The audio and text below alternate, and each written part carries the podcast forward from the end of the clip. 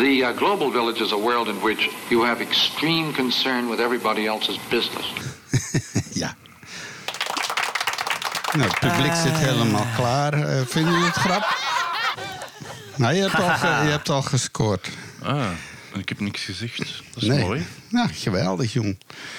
Eh, eens even kijken. Ja, we zullen maar exact op de kop af beginnen. Ja. Ja. Eh, ik moet even denken. Het is 3, 2, 1. Pata pata. Ja, en het is half uur. Ja! Tada! Tada! We zijn er weer.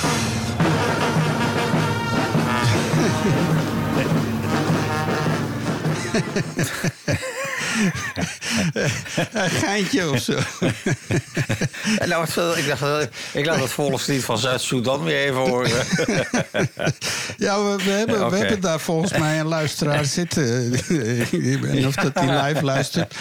Ja, hoe dan ook. Het is eh, voor de eerste keer een eh, nieuwe territorium eh, op- de livestream, maar ook op Spotify hoor. Want al onze Spotify-luisteraars en podcast-fans, podcast-fans. Podcast. wil- willen we trouwens ook. Maar ja, laten we eerst maar de kop eraf trappen. Hè, want hij zit me hier aan te kijken. Vandaag is Chris hier nu live bij mij in de studio. Aanraakbaar en voelbaar. Alright. Beste mensen, welkom Praattafel-fans, alle streamers, trolls in de chatroom en onze podcastfans. Het is 2 januari 2024 in het corona-scene en dit is de 162ste Praattafel. Welkom aan de praattafel. Uw wekelijkse afspraak voor een goed gesprek. Met Is van Mario Zeker weten, ik ben Ist van Lelossi. Ik bevind me in het nieuwe jaar 2024 in mijn kelder in Bergen in het gezelschap van Chris. En ik heet iedereen die geluisterd heeft vorig jaar en ons gewaardeerd heeft enorm veel eh, dank, dank daarvoor.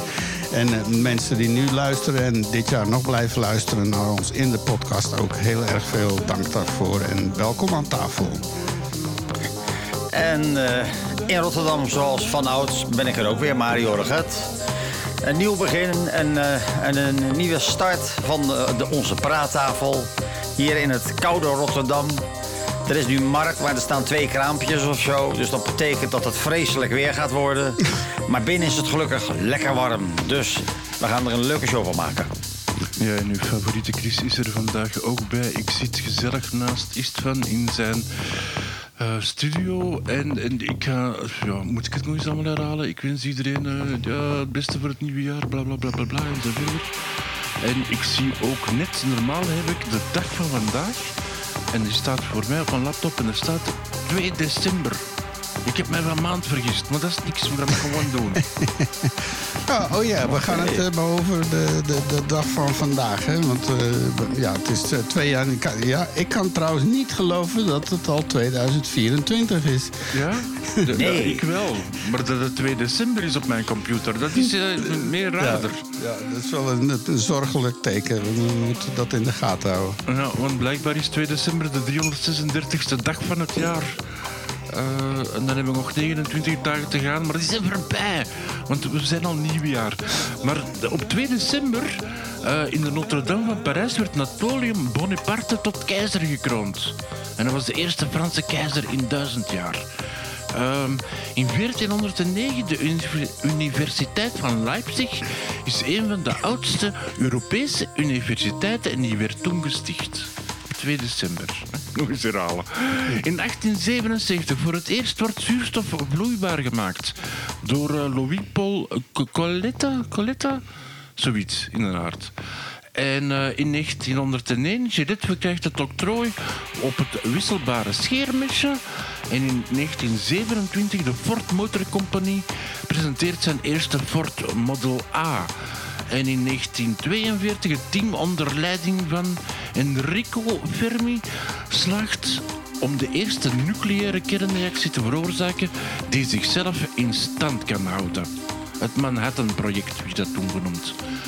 Ehm, en dat is het zo, want eh, ik heb problemen met mijn computer thuis en internet, dus ik heb niet kunnen zoeken. Ik vond de website niet meer wat er allemaal gevierd werd. Maar je kan ervan uitgaan dat nieuwjaar gevierd wordt deze week. Voilà, kijk. Ah, oké. Ik was zo even afgeleid. eh, Ik ben met onze praattafel Facebookpagina bezig. Om dat mensen ook te informeren. Dat ze tegenwoordig op die oude radio moeten klikken. Als ze ons live willen horen en mee in de chatroom willen komen. En anders, ja, via, voor de podcast mensen moeten we het ook interessant houden. Want anders leggen we te veel nadruk op het live gebeuren. En eh, daar willen we niet per se.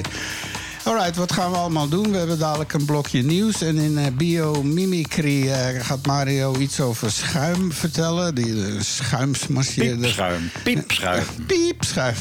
Hyper de piepschuim. Zeker weten. En dan krijgen we nog een brokje pek en veren. Onder andere in Gaza. Daar bulkt het van de pek en veren. En in eh, Finland eh, geven ze iemand toch een redelijk forse boete. Eh, de quiz van onze Chris vandaag in het teken van... Nieuwe jaar. Wat had je anders gedacht is van? Eh, Tal van dingen. Oudjaar, van wat is er voor? Nieuwjaar, eh, verleden jaar, weet ik veel. Nee, nee, het is een grote nieuwjaarsquiz van onze favoriete Christen. Ah, Oké, en dat is exact om 12 uur. En als je mee wil doen, dan kun je natuurlijk afzakken naar onze chatroom, praattafel.be, in de chat. Eh, nou, vervolgen we dan met een rondje Cosmos.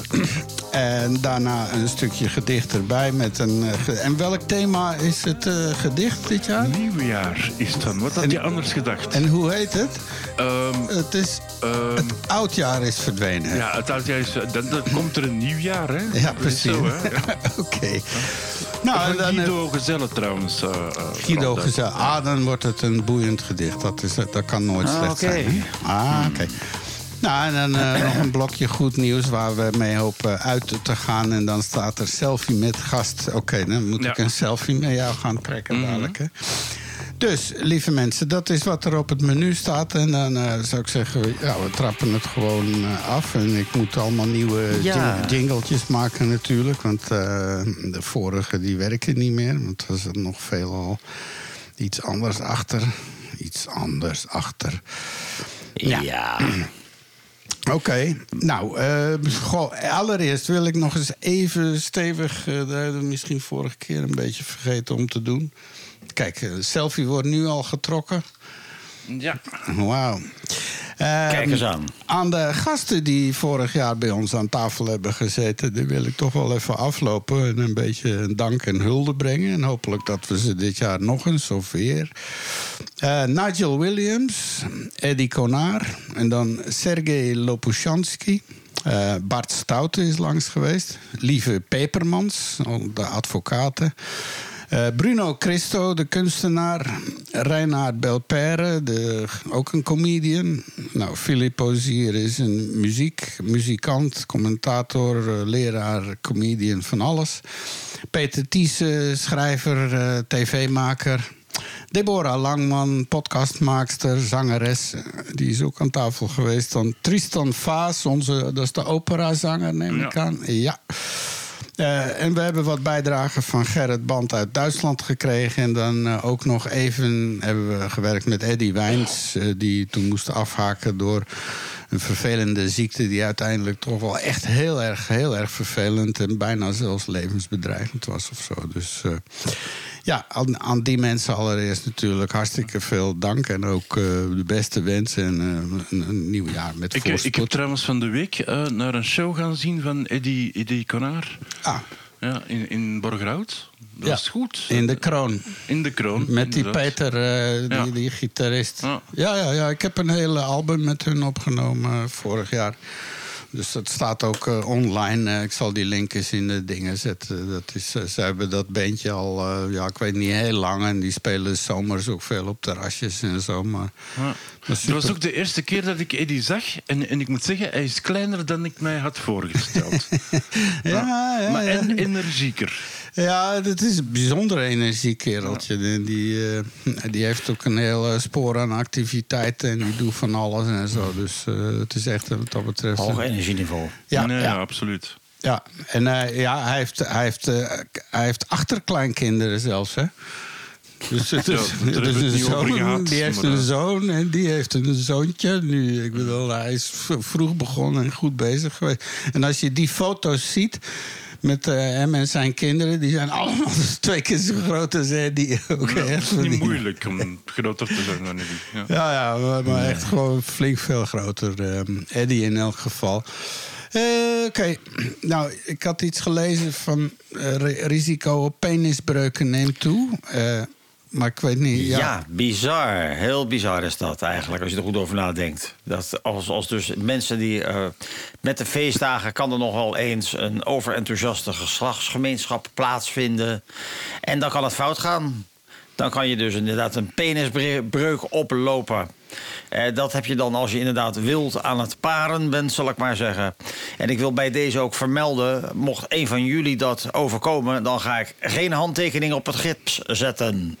Dan moet je helemaal zelf uitzoeken dan. Maar ja. het is dus inderdaad, eh, het is dus zo. ja. ja, over gips gesproken. Mijn, eh, mijn echtgenote zit eh, met de enkel in het gips. Ai, ai, dat is niet leuk. Ja, de, de- de- ja een, stom, een stom ongeluk. Gewoon een, een, een terwijl opstaan, een soort van. En dan eh, een paar stappen en ineens slaat de voet om. En ik zat met een koptelefoon naar de tv te luisteren. En ik hoorde dat echt als zo'n potlood wat breekt. Zo echt zo krak. Oeh. Ja, het ergste van heel dat verhaal is de lach achteraf van Istvan. Dat, dat. Ja. Ja, dat, eh, ik dacht van, goh, ja, dat is goede ja. timing, schat. Dat, eh, dat had je op geen beter moment kunnen doen en zo. Eh, Dus- maar, maar wat is de prognose? Nou, ehm, het is in elk geval dus, nu in, enkel in het gips. Dus, en dan met 4 januari konden we geloof ik binnen om te kijken of er eventueel loopgips van gemaakt kon worden. Want nu mag er helemaal niet op gesteund worden. En dan is het toch 6 tot 8 weken, de usual. Oh, oh ja. Maar dan met loopgips zou het allemaal iets makkelijker moeten zijn. Want het is nu echt met rolstoel eh, overal proberen doorheen te manoeuvreren. Maar gelukkig zijn we daar al een beetje op voorbereid. Dus. ja. Dus ja. Alle mensen. Ja, maar ja, het, is, het is maar dat en het is maar dat hè, uiteindelijk. Het is, een, het is een ongeluk en dan kom je in die malle molen Ja. terecht... van röntgenfoto's en eh, gipskamer en, Ja, zo is dat. en wat eh, een lopende band. eh, dat is nou de drukste kamer van het ziekenhuis, denk ik. Nou ja, laten we hopen dat ze er snel vanaf is, want het is niet leuk natuurlijk. Nee, nee, we zijn nu ook een beetje eh, beroofd van onze bewegingsvrijheid. Maar ja, als die loopgips erin zit, dan, dan, dan zou het al een stuk beter moeten gaan. Eh, maar eh, ja, en dan eh, wat je daar wel mee te maken heeft, dat men zich toch zorgen maakt over masturbatie met kerstdecoraties. Ja, ik vraag me af, hoe werkt dat dan? Eh, Schuif je dan de, de, de, piek naar binnen? Of eh, ja, poeh. Dat lijkt En waar wel, naar eh, binnen en, en hoe? Ja. Want bij een, ja, een dame heeft van allerlei mogelijkheden. Bij een, bij een meneer heb je één mogelijkheid minder. Maar ja, een, een kerstboompiek. Maar die dingen zijn van glas. Dat, dat Ja, kan springen. Of, of hebben we nu een soort plastic versie? Of weet ik veel wat. Eh, Eh, Ja, ik heb geen flauw idee. We hebben het wel eens eh, gehad over. eh, ik heb wel eens een itempje gehad over dit soort dingen. toen we het hadden over de Ig Nobelprijzen. Dat inderdaad een, een arts was die daar onderzoek naar heeft gedaan. naar wat, alle, wat mensen zeg maar, in hun anus schoven. Ik weet niet of je Ja. dat toch kan herinneren. Nou, dat loog er niet om. Dat is toch wel een, een aardige kri- kringloopwinkel vol, als ik dat zo hoorde. Dus ja, het, het klaarblijkelijk eh, schijnt die behoefte er te zijn om van alles en nog wat naar binnen te schuiven. Eh, heel bizar vind ik dit. Tja. En inderdaad, bizar dat er dus inderdaad nu ook, eh, dat nu ook de kerstdecoraties bij, eh, bij de lijst gevoegd mogen worden. Lijkt me inderdaad levensgevaarlijk. Ja, Als ja. een beetje alles is van glas. Ja, niet alleen dat, maar als je nu die lichtjes, daar zit elektriciteit op, hè? Ja. ik weet niet of ze lichtjes naar binnen doen. Maar Ja, kerstversiering, dus ik zie lichtjes, slingers, die, die trouwens ook niet gezond zijn. Ehm, Ja. ja. Ja, hier slaat, eh, dat is dan in Engeland. Sarah Wells, een gynaecoloog in Engeland. En volgens haar is er een nieuwe trend ontstaan... eh, rond het gebruik van eh, kerstdecoraties als een seksspeeltje. Dus eh, dat vertelt ze dan op. eh, en trouwens ook alle links weer in de, in de show notes eh, na afloop van de uitzending.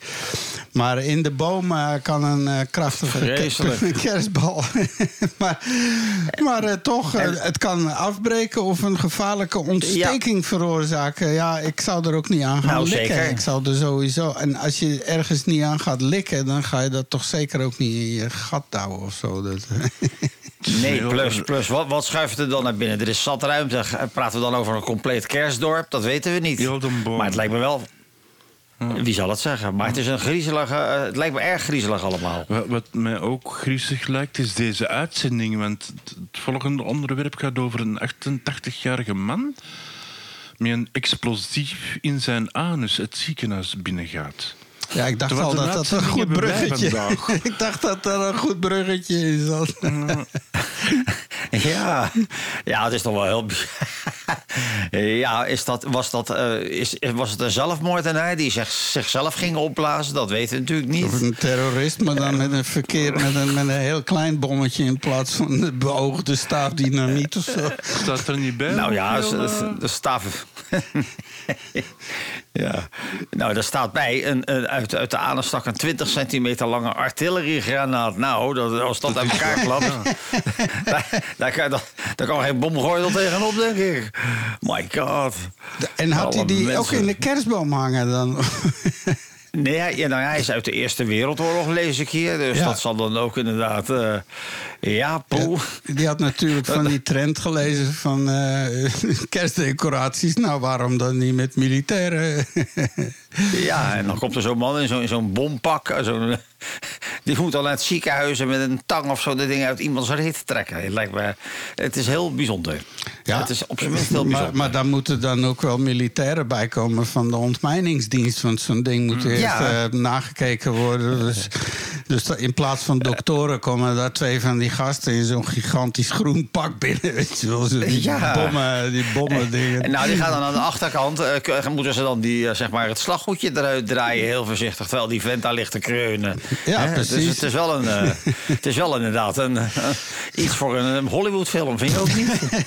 nou, ja, wij hebben een literator aan tafel, een schrijver. Dus eh Ik maak me strak aan het scenario. Hm. Ja, een kort verhaal en dan gebaseerd op een kort verhaal een roman. En dan wordt het een toneelstuk, musical, film, jongen. Wa- Ik zie het al helemaal voor me. En ik heb nog plaat voor een Oscar op mijn kast, dus eh ça va. Dus en alles gebaseerd op een... Maar die, maar die maken we dan wel iets jonger hè, dan 88. Want dat, dat wordt lastig om een acteur te vinden... die, die dan nog een explosief in zijn reet wil hebben. Want Maar het er moet zijn natuurlijk al- wel al echt die- zijn, hè? Dus al die echte acteurs van vroeger, die zijn toch rond die leeftijd? eh, of zijn die, al, zijn die er al niet meer? Het zou ook kunnen. Ja, Eh, Clint Eastwood, hè? Clint Eastwood. Ja, Die eh, zie ik dan nog doen. Die is ook niet kapot te krijgen volgens Nee. mij. Die gaat ook maar door en door. Ja, en die zie Worden echt ook heel oud, doen. die lui. Ja. Nou, het zou zomaar kunnen. Ik zet even wat links op de, op de Facebookpagina, dat de mensen een beetje weten waar we het over hebben. En als je wil weten, als, als die explosie dan toch explodeert en je wilt weten hoe dat, dat voelt, dan hebben ze tegenwoordig blijkbaar een dead simulator. Ja, hey, Minja is er ook bij gekomen. Oh, leuk. Hi. En zat al meteen één suggestie: wel eerst de kaarsjes uitdoen. Ah ja, dat helpt. Oké. Alright, Minja, ook welkom in een heel prettig nieuwjaar Ja. en vol gezondheid Fijne. en, en voorspoed. Absoluut. En, eh, Ja, leuk dat je er weer bent. Even maar ja, die, Ja? die virtual, death, virtual reality death simulator, daar kan ik helemaal niks mee. Want niemand weet wat er gebeurt als je doodgaat eigenlijk. Je kan hooguit wat, wat ja, je kan hooguit wat, wat, wat metingen doen aan de hersenen met een EEG, ECG of een EEG moet ik zeggen. Eh, Maar dus, dus, dus eigenlijk is het een beetje flauwekul lijkt mij.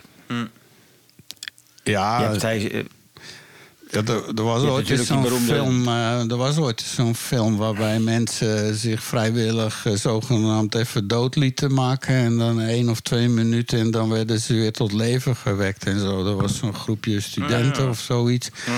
En, en, eh, en dan, dat, dat blijkt dan een soort effect te hebben van... wow, ik ben aan de andere kant geweest of zo. Ik, ik kan me daar iets vaag nog van herinneren. Van, van...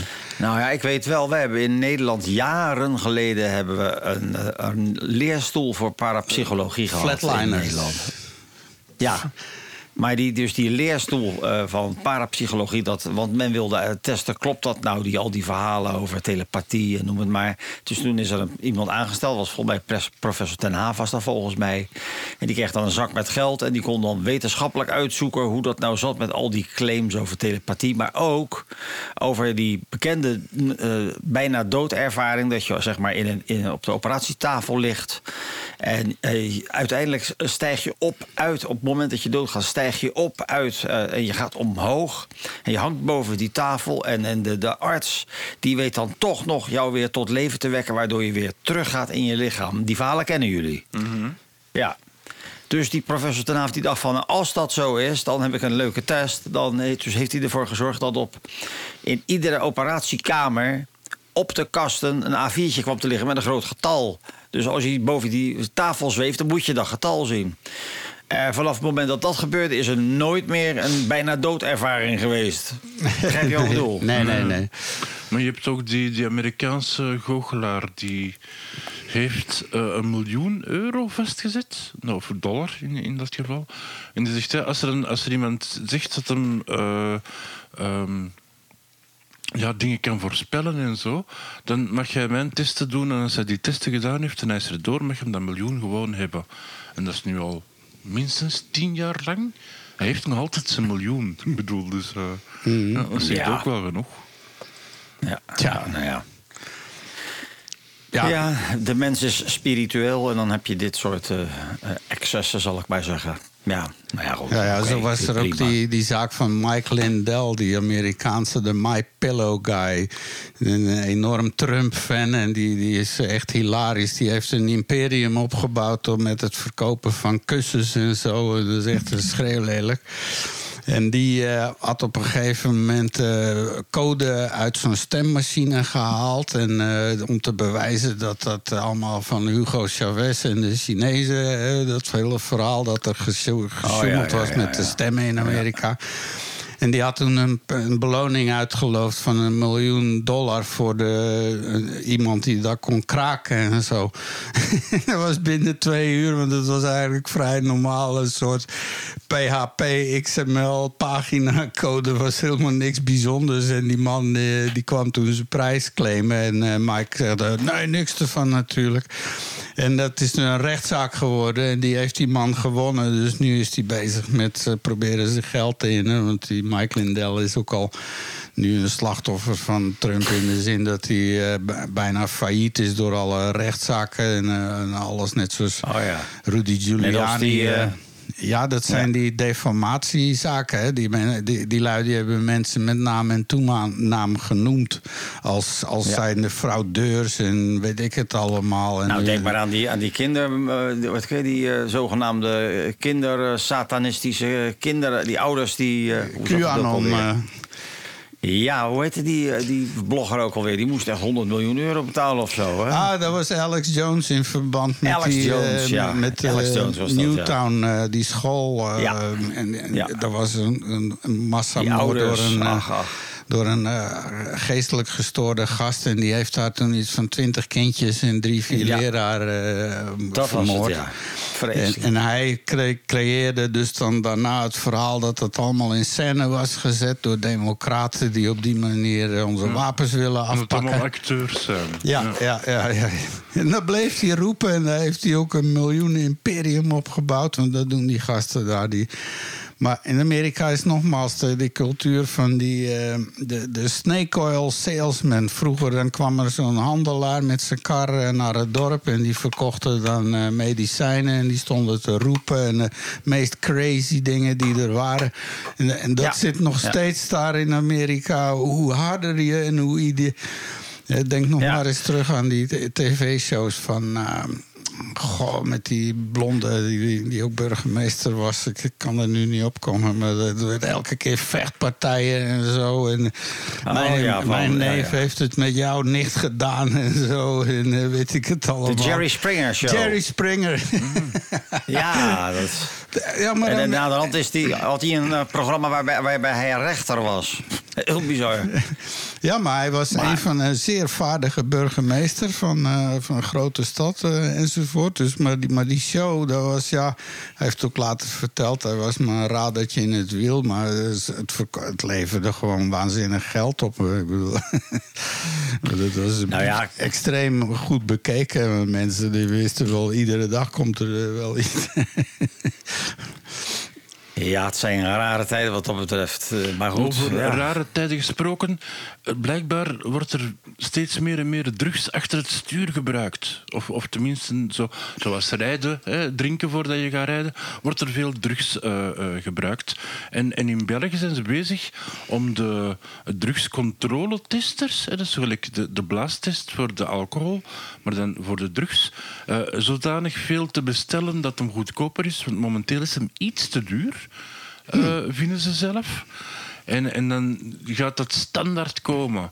Dus dat je s'nachts wordt tegengehouden, meneer wilt u eens blazen voor alcohol, ja, en wilt u eens blazen voor drugs.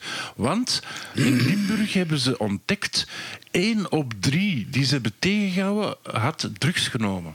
Één op drie. Ah ja. Ja. Maar ja, het gaat Ja. veel om cocaïne tegenwoordig. Wat al als, wat als een soort eh Yahoo kauwgom wordt. het is, maar als je Ja. ziet, ze hebben ik weet niet hoeveel ton dit jaar onderschept. En als je dan maar denkt, normaal gesproken is dat maar toch een redelijk een fractie van wat er binnenkomt. Eh, tonnen en tonnen en tonnen van dat spul. Dus, dus de, de hele markt moet overspoeld zijn op alle mogelijke vlakken van die rommel. Ja, het is een, eh, helaas is dat iets van alle tijden. Zolang de mens bestaat zijn er eh, genotsmiddelen gebruikt. En men wordt steeds handiger en steeds kundiger. Dus de, van de meest rare spullen kan je de stoffen maken... waar je zeg maar wat, wat doet met, met, met je gewaarwording, zal ik maar zeggen. Eh, in Nederland is het nu zo dat ze. Je hebt heel veel van die designer drugs. En eh, zo, zo, het, de, de, mensen die dat verkopen, die weten steeds gaatjes in de wet te Ja, vinden. ja. Omdat een bepaald molecuul net even iets anders is.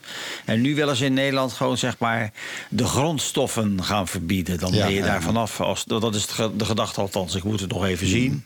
Maar het is inderdaad een probleem. Eh, er- er is geen feest meer, geen, geen party meer zonder partydrugs. Dat is, dat is, ja, dat is Ja. gewoon het nieuwe normaal.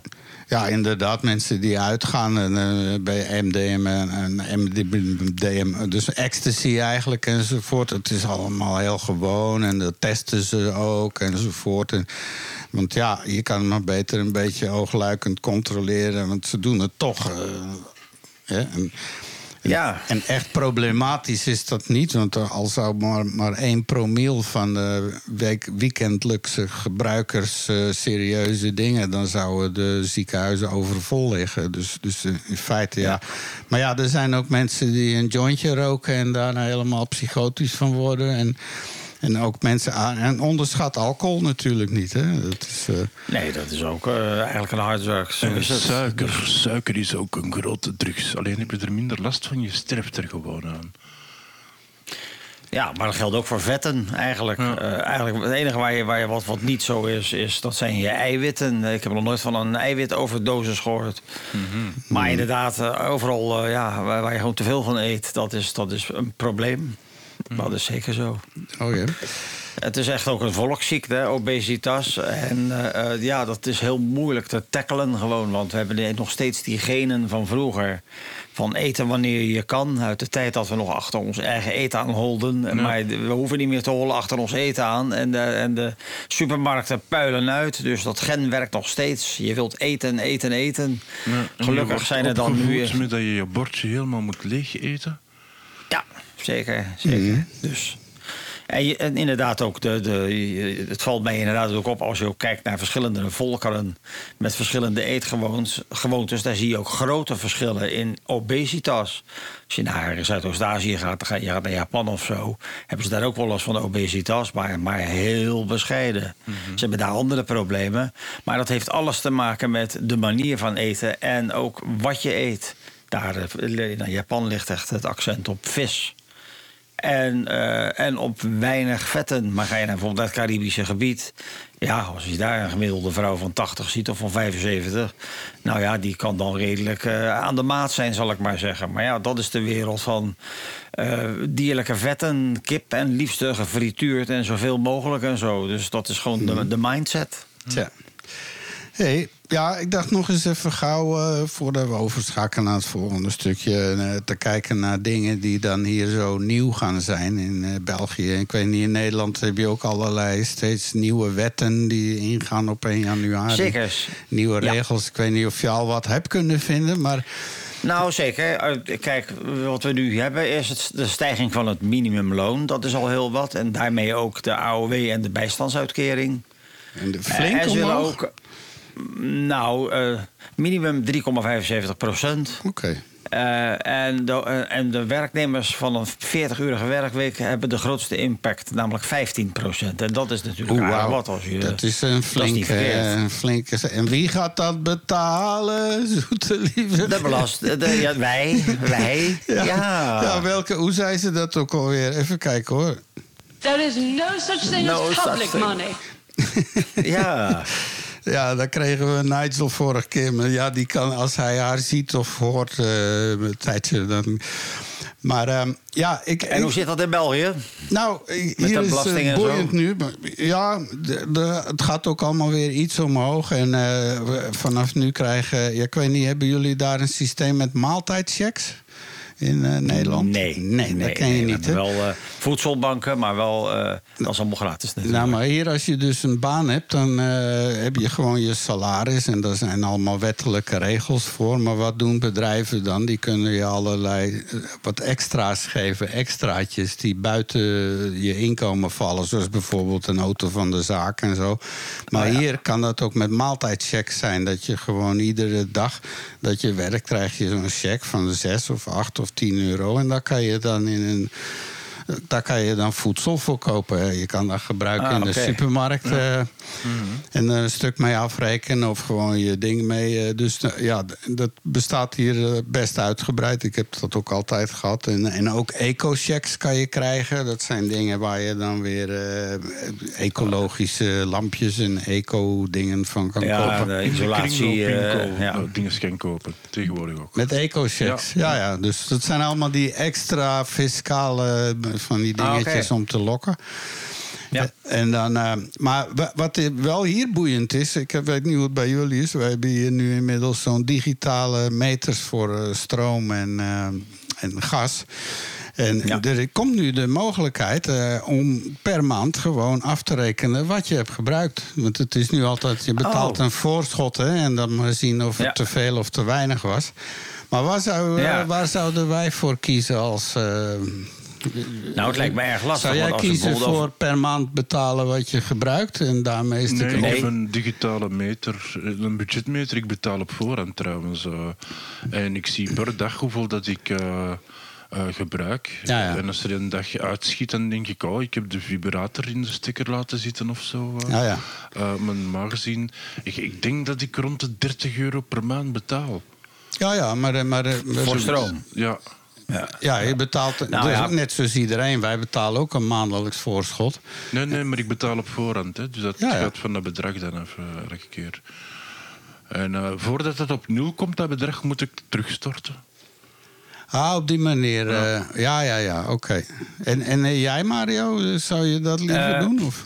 Nee, nee, nee. Kijk, ik heb natuurlijk stadsverwarming. Dat houdt dus in. eh, eh, mijn warmte en mijn warme water komt eigenlijk. eh, is maar één provider. En dat Ja, is ja. de stadsverwarming.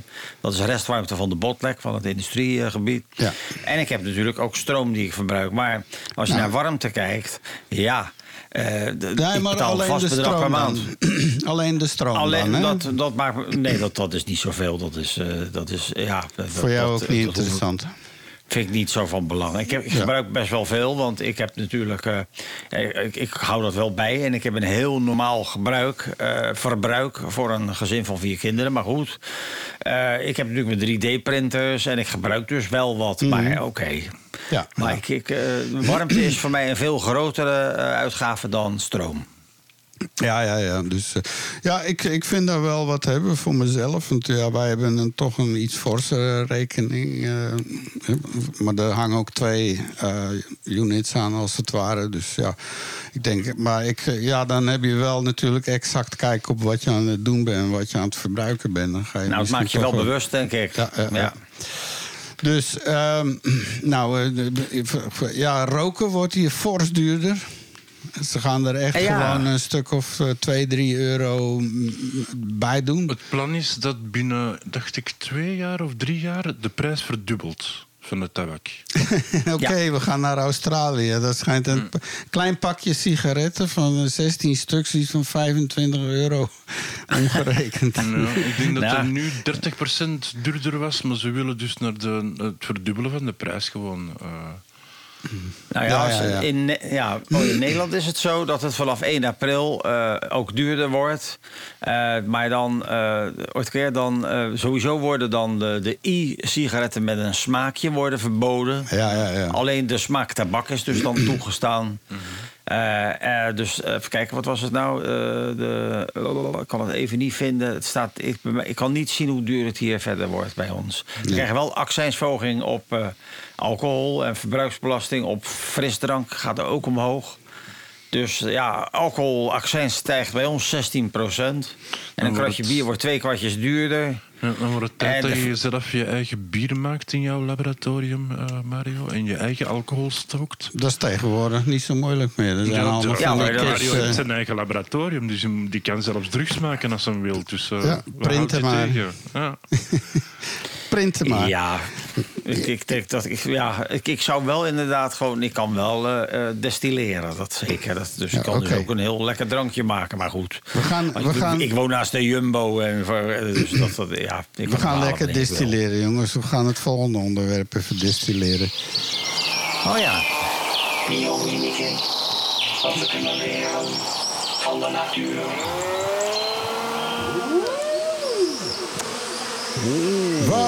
Wat gaan we deze week weer allemaal leren, mijn vriend?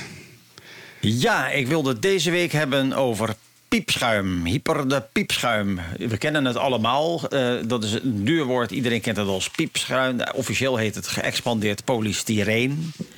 Het, is, eh, het wordt gebruikt voor alles. Het kan, soms noemen ze het ook isomo of Tempex of styropoor of Depron. Maar dat is dus dat bekende spul waar, waar alles mee wordt ingepakt. En je kan het uit elkaar breken. Dan ontstaan er ook van die kleine pareltjes, worden die genoemd. Die zo lekker aan je handen blijven kleven. Omdat dus eh, statische elektriciteit zorgt ervoor dat, dat, dat je handen helemaal onder zit als je iets uitpakt. Ja. Best wel vervelend. Maar eh, het is hartstikke handig spul. Alleen het is natuurlijk wel een aardolieproduct. Dus eigenlijk, eh, ja, het is allemaal hartstikke leuk. Maar eh, het is gemaakt van fossiele brandstoffen. Dus hoe meer piepschuim we gebruiken, hoe meer koolstofdioxide er in de atmosfeer wordt uitgestoten. En er is dus vraag naar een milieuvriendelijke, duurzame en hoogwaardige thermische isolator. Ja, want ik was daar nou net eh, aan het denken, sorry dat ik je onderbreek, maar te- tegenwoordig Ja. gebruiken ze daar toch popcorn en zo voor? Niet gezoete uiteraard, maar zo van... Die chips bedoel je? Ja, in plaats van dat piepschuim, dat wordt toch... de, de, de Ja, verpakkingen is het maar- of karton dat, Ja. dat eh gerecreëerd- Ja, ik heb nog van de week een tv gekocht en er zat nog een, ik, Alright. een grote vullenzak. Ik moest al helemaal stuk. Ja, dat is niet Ik denk dat we voorlopen hetgeen dat eh, Mario eigenlijk wou vertellen. Sorry, Ja. Mario. Nou, het gaat toch anders worden. Want kijk, inderdaad, ook die, die chips en dergelijke, dat is ook polystyreen, maar dan in een andere Nee, nee, ik vorm. bedoel popcorn van maïs. Echte popcorn. Maar dan, Echte popcorn. Ja, niet gezoete, Wauw. hè, uiteraard. Maar dan... Nee, nee. Dat nou ja, dat niks, vind ik op. Oh, wat grap. Nou, nou ja, het, En dat het is is zeker. Dus, dus, eh, Oké. Ik denk dat het pro- probleem zal zijn als je ziet hoeveel wij gebruiken. Dat, dat er niet genoeg aangeplant kan worden om ehm, al die miljoenen kilo's polystyreen te vervangen. Ik denk, ik denk dat dat wel het opschalen zal een probleem zijn. Maar ik vind het wel sympathiek. Maar ja, in ieder geval een, een kubieke meter van, van die- dat polystyreen, eh, die, van de piepschuim, dat heeft ongeveer 10 miljoen bolletjes. En die worden ook wel parels genoemd, dat zei ik al eerder. En ieder pareltje heeft 3000 gesloten met gasgevulde celletjes. Dus eigenlijk wat je hebt is 2% polystyreen en 98% lucht in dat spul. Da- daarom is het ook zo lucht, licht. Maar we- eigenlijk is dat, zouden we daarvan af moeten. Omdat ik al zei, het is een aardolieproduct. En dan kom je terecht bij planten. Want planten die halen CO2 uit de atmosfeer, koolstofdioxide. En die slaan dat op in zichzelf of in de bodem. En plantaardig materiaal is op veel manieren al door de mensen gebruikt. Denk aan hout voor, eh, voor je huis of papier, noem het maar op. En plantaardig materiaal kan dan een- ook een goede vervanger zijn voor piepschuim en om koolstof uit de lucht te halen. Plantaardig materiaal bestaat voornamelijk uit een paar stofjes. Dat is cellulose, hemicellulose en lignine. Nou, cellulose dat maakt 30 tot 50 procent van de plant uit en geeft de plant zijn structuur. Dat is heel licht van gewicht en het heeft een hele hoge sterkte, gewichtverhouding. Gewoon, dat maakt wat, wat bomen zo sterk zijn. Het heeft ook een hele tre- hoge treksterkte. Probeer maar eens een tak uit elkaar te trekken van links naar rechts. Wat betekent, je kan, het, eh, je kan het niet breken als je het uittrekt. En die, die eigenschappen eh, zorgen ervoor dat dat cellulose best wel een goed structuurmateriaal is. En in tegenstelling tot piepschuim is natuurlijk cellulose, hout, biologisch afbreekbaar. En je kan het afbreken met bacteriën en schimmels en andere spulletjes, chemicaliën, maar goed.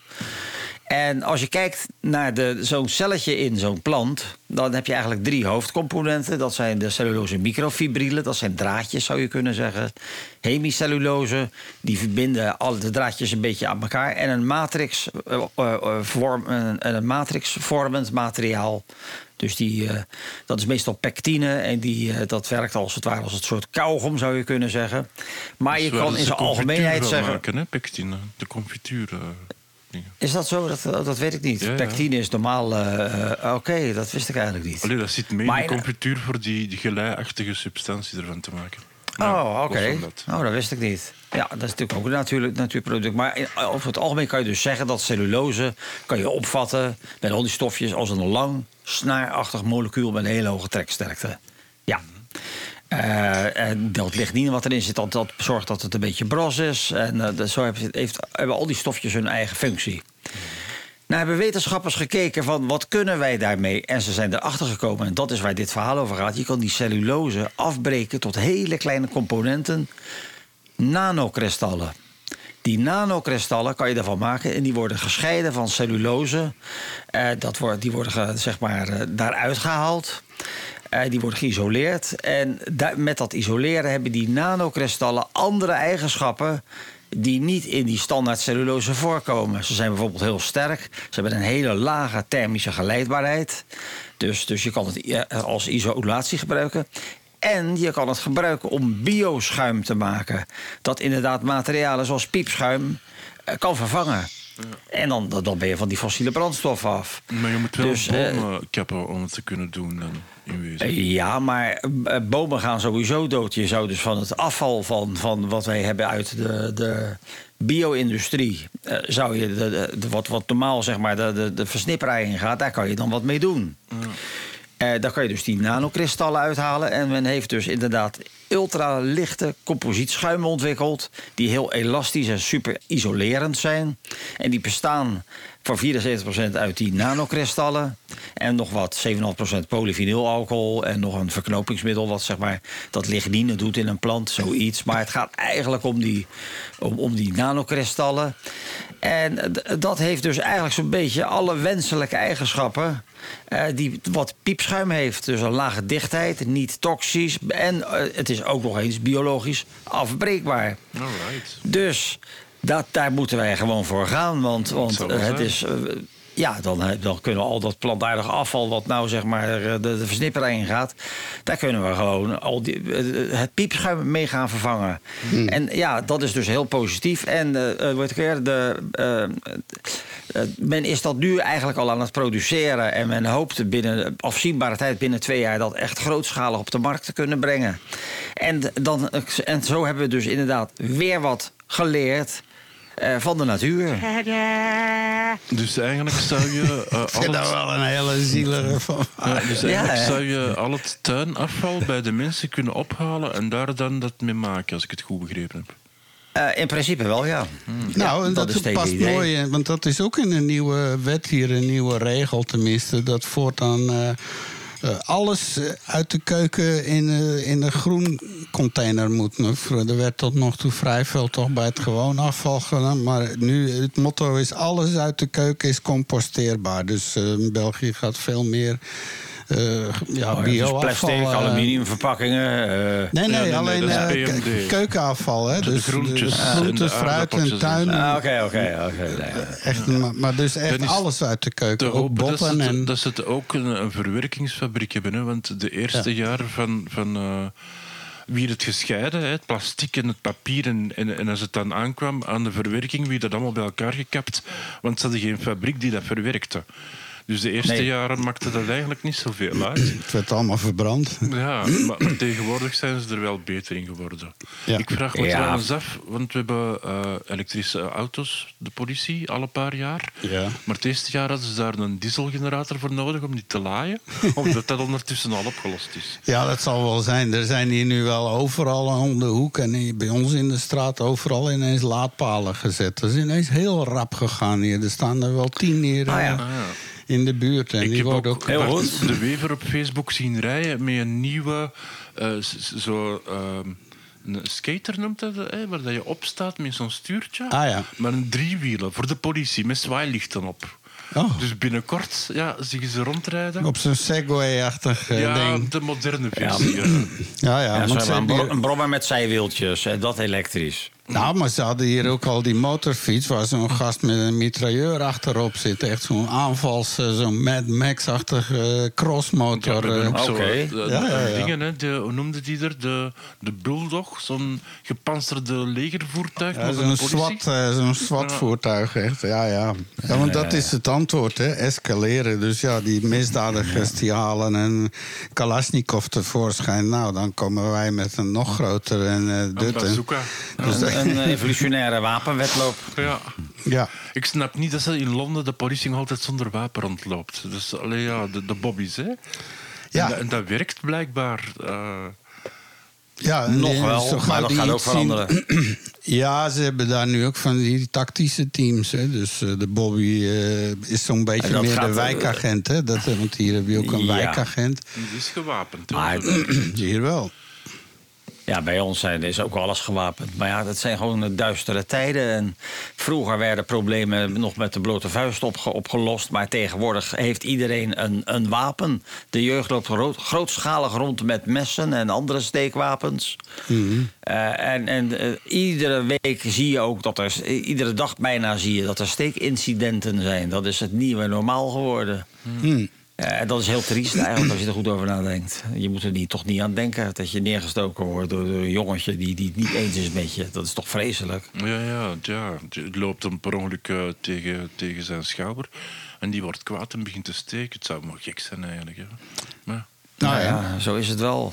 Ja, crazy scientists. eh, maar ja, ze hebben nu weer een nieuwe toepassing gevonden voor meneer eh, voor ChatGPT, onze, onze, onze machine die, daar, eh, die de hele wereld gaat veranderen. Eh, ja, dus hier zeggen ze nu eh, een, een, een, een GPT-powered eh, robot chemicus eh, ontwerpt nu reacties en, en creëert drugs. eh, on Ja. its own. Ja, ik kan het niet openen, want het is een nature en ik zie alleen de eerste zin.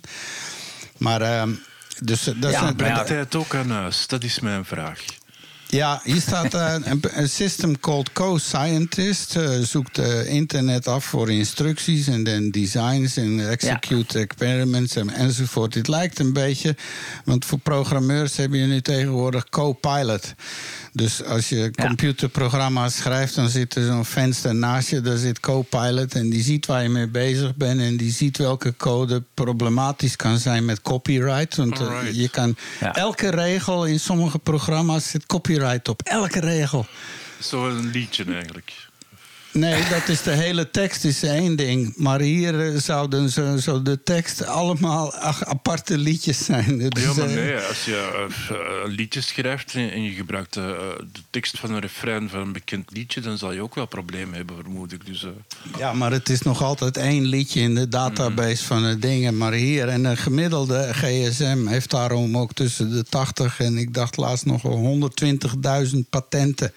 alright. In één gsm, hè. dat is omdat elke regelcode van het scherm, van de wifi, van de dingen.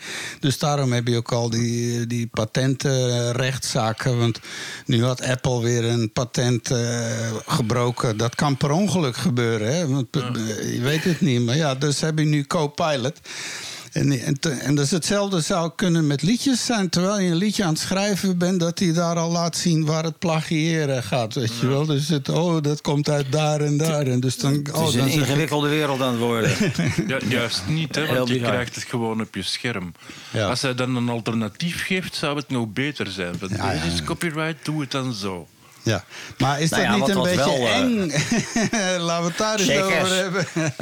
Zeker, maar wat je ziet met die GPT-powered robot chemist designs, dat, is, dat heeft natuurlijk ook mogelijkheden. Dat moeten we ook niet uitvlakken, want eh, de meeste medicijnen zijn hele ingewikkelde moleculen. En als je kijkt naar, dat zijn over het algemeen eiwitten, en die hebben meer, er zijn meer vormen mogelijk in een standaard eiwit dan dat er sterren zijn in het universum. Ja. En dat is echt zo. Dus daar, men zoekt ook altijd naar gene- eh, moleculen waar we wat aan hebben. Denk, kijk maar naar bijvoorbeeld het slangengif. Dat wordt buitengewoon vaak onderzocht. Omdat dat vaak gewoon hele positieve dingen voor de gezondheid kan betekenen. In een bepaalde vorm. Maar zo'n ingewikkeld molecuul, om dat na te bouwen, in, dat is bijna niet te doen. Maar als je het GPT hebt, die, die kan al die, die eh, mogelijkheden razendsnel afgaan. En die kan natuurlijk gaan zoeken. Eh, en, en, en dat opent natuurlijk wel eh, enorm veel mogelijkheden. Dus eh, dat zou dan, als, als, als, als dat systeem inderdaad vo- voordelige moleculen kan synthetiseren, dan, dan, ja, dan is, het toch wel, eh, is het toch wel heel erg positief, vind ik. Dus als ik het goed begrijp, gaan we allemaal veel langer leven. Tenzij dat we de wereld naar de kloten doen omdat we te veel elektriciteit en, en, en grondstoffen gebruiken. Dus het is een beetje. Ja, waarom willen we dan langer leven? Ja. Ja, de- Ja, de- de- goeie- nou, dat is een interessante vraag, inderdaad. Ja. ja. Ja, om, om- ja, dat is een goede vraag. Is het over tien jaar? eh, maar ja, als die opwarming, dan houdt voor mij in dat we dan hier eh, palmbomen krijgen in de straten en zo. Dat het een beetje een Ja. soort Los Angeles wordt. Ja, maar dat is de, de roze bril, hè? Is dat hier niet op zit? Ik denk dat het bij, bij, je hebt dan ook de, de vliegen en de muggen waar dat je malaria van krijgt. En de krokodillen die dan in je straat zwemmen als er overstromingen zijn. Ja, en Ja, ik heb is, in mijn eh, eh, logica ook nog wel een probleem met Antwerpen. Want ja, in Nederland hebben ze inmiddels heel die delta afgesloten. Hè? Die Schelde, Delta, Ja. Rijn. Dus ze kunnen alle poorten dicht doen straks als de zee stijgt. Maar waar gaat het dan nog naartoe? Dat blijft hier hangen. hè? Eh, dat komt allemaal zo de Schelde op, hè, tot Nee, aan nee, eh, dat blijft- Lier. eh, Dat blijft hier hangen gewoon. Zouden we het Nou ja, met de app en tijd. Het gaat wel maar, maar dan zes meter Nou hoger ja. iedere dag. Als je kijkt inderdaad, je kijkt nu naar Duitsland, in de, in de deelgemeente eh Rijn-Noordwestfalen, wat zeg maar tegen Nederland aan zit, daar hebben ze enorme problemen met het, met het hoge water. Hier in Nederland zijn we daar helemaal op voorbereid. We hebben hetzelfde hoge water, maar het is, wij doen dat met twee vingers in de neus. Omdat er zijn al in het verleden bypasses gemaakt. Bijvoorbeeld de Rijn, dat is de hoogste rivier die we hebben. Die, eh, die ver- veroorzaakt de meeste eh, overlast. Maar twintig jaar geleden is dat al aangepakt. Er is dus een soort overloop gecreëerd. Waardoor als het echt helemaal uit, uit de hand loopt. dat we gewoon zeg maar, die hele rivier kunnen ontlasten. door een tweede zijarm te maken. die dus in uiterwaarden terechtkomt. en in een geul die weer in het eh, IJsselmeer of zo terechtkomt. Ja, maar wacht even. wordt. Ja, dat is, maar dat is ook gebeurd na die catastrofe. Want er was er rond 2000 of zo was er ineens toch wel dat daar een heel aantal steden moest worden ontruimd en zo. En toen hebben ze gezegd van, oh wacht Ja. even. Ja, maar wij Ja, hebben nee, ook de neiging om alles te bedijken. hè. Alle rivieren zijn Ik heb ingedijkt. voor jou ook een oplossing, is het van? En dat is. Als, als Antwerpen overstroomt, zitten we niet in de kelder, maar op de zolder. Ja, nou ja, dat is ook waar. Dat is een oplossing, hè? Ja? Of, maak je een zo het. aquarium. Maar, maar, maar het gaat wel moeilijk worden, want inderdaad, de zeespiegel stijgt. En met het stijgen van de zeespiegel wordt het steeds moeilijker eh, om water af te voeren. Omdat je steeds meer moet pompen. Want bedenk wel, als, als de zeespiegel 10 centimeter hoger wordt, weet je wat dat betekent? Voor, dan moet je je dijken veel hoger maken. Omdat Ja, ja. je die, die 10 centimeter extra ook nog eens weg moet pompen. En dat is enorm. En daar hebben we nog Dus niet eens zijn- nagedacht aan de energieën van stormen en zo. Want dat, maar maar ja. weet je wat, laat maar gezellig naar het volgende gaan. iets, iets leuks. Iets leuks. En nog even roepen, ja, wie er ook live luistert, kom naar de chatroom. Want zo dadelijk begint de quiz. Eh, Minja is er al, Manu van Halen is er al, onze favoriete Chris is er al. Ja, ik was er al heel lang trouwens. Ja, ja, ja. Maar het, is, het, het wordt nog gezellig, denk ik hoor. Hoop ik maar. Eh, Maar het is een nieuw experiment. We weten niet hoeveel luisteraars we hebben. Dat, ik ben het nog een beetje aan het veranderen hoe we dat doen met die praattafel radio. Die je nu wel 24 uur kan horen alvast. Met allemaal onze eigen shows. Eh, daar heb ik altijd van gedroomd. Een radiostation waarbij ik de hele godgatse dag mezelf hoor. Of ons en jullie ja. ook. Jullie Ja, ook. ik, heb daar, ik, ik droom daar ook over. Maar ja, dan word ik zwetend wakker en dan, dan drink ik wat en ga ik weer slapen. Ja, wacht totdat het over is. Eh, even kijken, we hebben niet zoveel. Nou ja, we hebben nu wat meer. eh, we kunnen wat flexibeler zijn natuurlijk qua timing. Maar eh impact en veren, ja, nu over AI. We blijven het over AI hebben. Eh, hier was een. Artikel wat zegt dat eh, de, ja, ze gebruiken, Israëli's gebruiken AI om razendsnel doelen te bombarderen in Gaza. Ze runnen een massamoordfabriek. Ja, het is zo. Ze hebben een, eh, dus een, eh, een artificiële intelligentie. eh, de gospel wordt het genoemd. En die kan zeggen waar in Palestina er terroristen zitten. Of, of mensen van...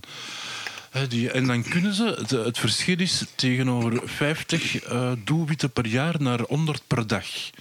Dus dat is heel veel.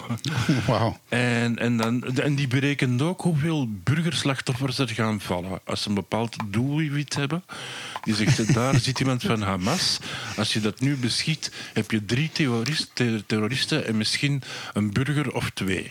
Dus die berekent dat allemaal automatisch. En die mannen doen dat zomaar. En, eh, en, Ja. en dat is niet. Ge... de- Er Dat komen ineens bekeken. weer allerlei goedkope science fiction film Ja. scenario's. in Ze beweren dat het allemaal Ja. wel nog eens wordt bekeken door een persoon die dan beslist of dat ze het gaan doen of wel. Maar, maar Ja, ja, honderd keer per dag beslissen En over. die, die, die, die artificiële intelligentie die bekijkt dus eh, Facebook eh, en social media van eh, Ha- Hamas, eh, mensen waar dat ze verdacht vinden van Hamas. En die zien dan, oh, ik zit bij mijn tante met twee vrienden. En die computer weet dan, die tante woont daar. En die twee vrienden zullen ook wel van Hamas zijn, dus dat is een doelwit. Nou ja, dat zie je nu ook als je kijkt hoe, hoe, hoe er lukraak gebombardeerd wordt. Dat is eigenlijk te vreselijk om te zien. Ik bedoel, laten we wel wezen. Het, er wonen, eh, hoeveel wonen, mensen wonen wel niet in de Gazastrook? Dat is meer dan een miljoen op een stukje Eh, twee, van, twee van twee- miljoen normaal twee miljoen. gesproken. Ja. En het is een, een, een stukje zo groot als twee keer het eiland Texel bij ons. Dat is niks. ja, het is Eh, de- 40 bij en- 3, 4 en- kilometer. En als je dan bedenkt dat, dat Hamas eigenlijk maar een klein gedeelte van de bevolking is... en dat zeker niet iedereen achter Hamas staat... Eh, dan bombardeer je eigenlijk ook ontzettend veel onschuldigen. Er zijn inmiddels al meer dan 5.500 kinderen dood. Ik vind dat, eh, ik vind dat lukraak bombarderen, ik, vind- ik heb daar steeds meer moeite mee. Kijk, het is natuurlijk vreselijk wat Hamas gedaan heeft... maar eh, de reactie nu op dit moment eh, vind ik zo mogelijk nog erger. Hmm. Ja, maar dat is dus artificiële intelligentie. Ik zag vorige week ehm, eh, een, een, een stukje op Facebook. En het ging over in, in China, als je daar door het rood licht wandelt, hè, je wandelt en je moet eigenlijk, eh, je wilt zebrapad over, maar het is rood en je doet dat toch, dan trekt een camera een foto van jou. En die foto zoekt dan op internet wie dat je bent en je krijgt automatisch een boete thuis. Ah ja. Oh, maar dat gaat hier ook komen. Ja, maar het probleem was, op een gegeven moment krijgt een mevrouw, die directrice is van een airconditioningfabriek, een boete.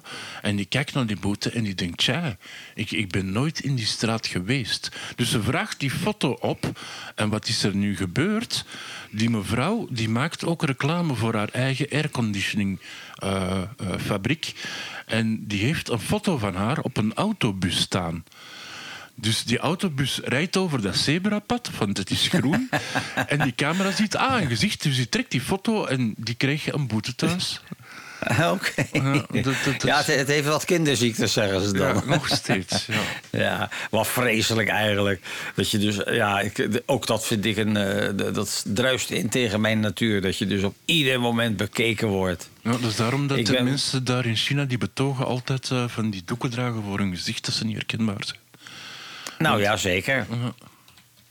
En dan moet je in, het- in, mijn, in mijn straat hangen, ehm, ik denk acht camera's. Ja, ja, maar dat Ja. zoals in Engeland gaan we, die kant gaan we op te hangen er een half miljoen door. Daar iedere straathoek, iedere. Als ze een auto willen lokaliseren, dan zeggen ze ANPR. En binnen een paar minuten, waar je ook bent in Engeland, een poef, een camera rapporteert. Oh, hij is hier net gepasseerd. Eh, dat, is, dat is vrijwel onmogelijk om, eh, om, om daar. Nee, maar ja, eh, dat is. dat- maar dat is, de, dat is zeg maar de ontwikkeling. Er is nu ook zo'n proef in Nederland. Dat, en daar kan ik wel wat mee. Op zich vind ik dat helemaal niet vervelend. Dat als je een eh, huisdier hebt zoals een hond, dan dient die gechipt te worden. En wat ze dus nu doen, is in, in een gemeente lopen er wat plots van als er weer lukraak op straat wordt gescheten. En ze weten niet van wie die drol is. Dat is heel vervelend. Dat ze dan zeg maar een probe nemen. En ze nemen een sample van die drol. En ze kunnen in de database kijken welke hond dat is. Want bij mee het chippen is het DNA afgenomen. En dan krijg je ook een boete in de bus. Eh, en daar kan ik dan weer wel eh, mee akkoord mee gaan. Want het is af en toe asociaal dat, er, dat, dat mensen hun hond midden op de straat laten schijten.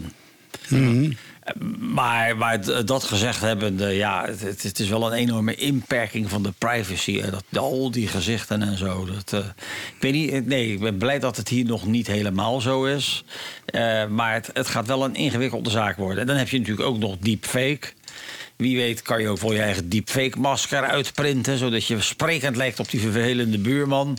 waarbij iedere, iedere boete naar hem zal gaan. Eh, dat weten we allemaal niet. Eh, de- het, het, het gaat een, in- het worden een ingewikkelde tijden. Laten we het daarop houden. Ja, Toch? je zei net iets. Ik ga niet zeggen wat de link was, want dan klik ik wat over. Maar wij hebben gisteren onze nieuwjaarsdag eh, een, een, een op Netflix binge-serie gekeken naar ehm, Fool Me Once. Een Engelse, het is eh, acht afleveringen. eh, Vijf tot een typische, de nieuwe 8-hour movie. Eh, heel eh, goed gedaan en, enzovoort enzovoort. Maar eh, een, een, bijzonder aangename manier om weer een kwart van je dag door te Oké, brengen. fool me once. Ja, Is dat een eh, soort, soort, soort, zo'n Black Mirror-achtige... Nee, nee, nee. Het is, het is echt wel een. eh, ja, er er zijn moorden en lijken en eh, historie en geschiedenis enzovoort. En, eh, Ja, ik, ik wil, Engels. ik wil eh, niet ambetant doen, maar het is één minuut na twaalf. Ja, dat vind ik ambetant, jongen. Eh, trouwens, even terugkomen. We gaan ook binnenkort in eh, dialoog met ons publiek, als, als, als die er is enzovoort. En eh, ik heb dat al een beetje opgestart in. Eh, Spotify, daar heb ik de vraag gesteld van... nou, hè, we zijn nu niet meer bij Radio Centraal. Hè, de, die, die radio die we niet meer gingen noemen, zeg maar. Maar... ehm, We kunnen nu kiezen voor, eh, want sommige mensen eh, heb ik gehoord, die vonden twee uur een, een, een- een geheel te lang. Ja, vooral Mario. Ja, ja, Ja, uit zijn ja. Maar op Spotify is het toch eh, hon- 100% van eh, niks aan doen en eh, afblijven en zo. Van, ja. Nou, dan zou ik ze twee- allebei wel eens willen spreken. Ja, ja, en om het is 11 inderdaad uur. twee stemmen, maar toch. Ja, het ze is, wouden het zelfs vroeger. Ze wouden al om acht uur 's morgens, Mario. Ja, dan, eh, onderweg dan- voor in de file. Ja, we kunnen een file-versie doen. Ja, en dan de tweede vraag. Als, als er nog live inderdaad behoefte is aan een publiek... van eh, hoe laat en wanneer enzovoort dan. Hè? Dus eh, of dat we een ander tijdstip gaan kiezen, andere dag, eh, verspreid misschien. Maar ja, dat gaan we allemaal de komende weken. We Een uurtje blijven- later zou heel fijn zijn. Een uurtje later. Nou, dat kunnen we sowieso al eh, invullen. We kunnen dat sowieso in de chatroom al eh, ter sprake brengen. Ja. Ik weet niet wat Minja en Manu daarvan typen. vinden. Minja is al aan het typen, dus we gaan direct weten wat dat ze gaat zeggen. Maar we gaan daar niet op wachten, want de, de Christ... Ja, met zijn afschuw, eh, met zijn fantastische quiz. Minja zegt dat het goed is zoals het is. Voilà. Oh, Oké, nou, dat is nu al drie van de, de- drie, van de drie. Ehm, Goedemiddag, praattafel podcastluisteraars op Radio Centraal. En welkom op de quiz van onze favoriete quiz. En voor vandaag hebben we weer een dozijn kakelverse, boeiende vragen... waar we graag ook antwoorden op zouden willen krijgen. En als het even kan, de juiste antwoorden, nietwaar?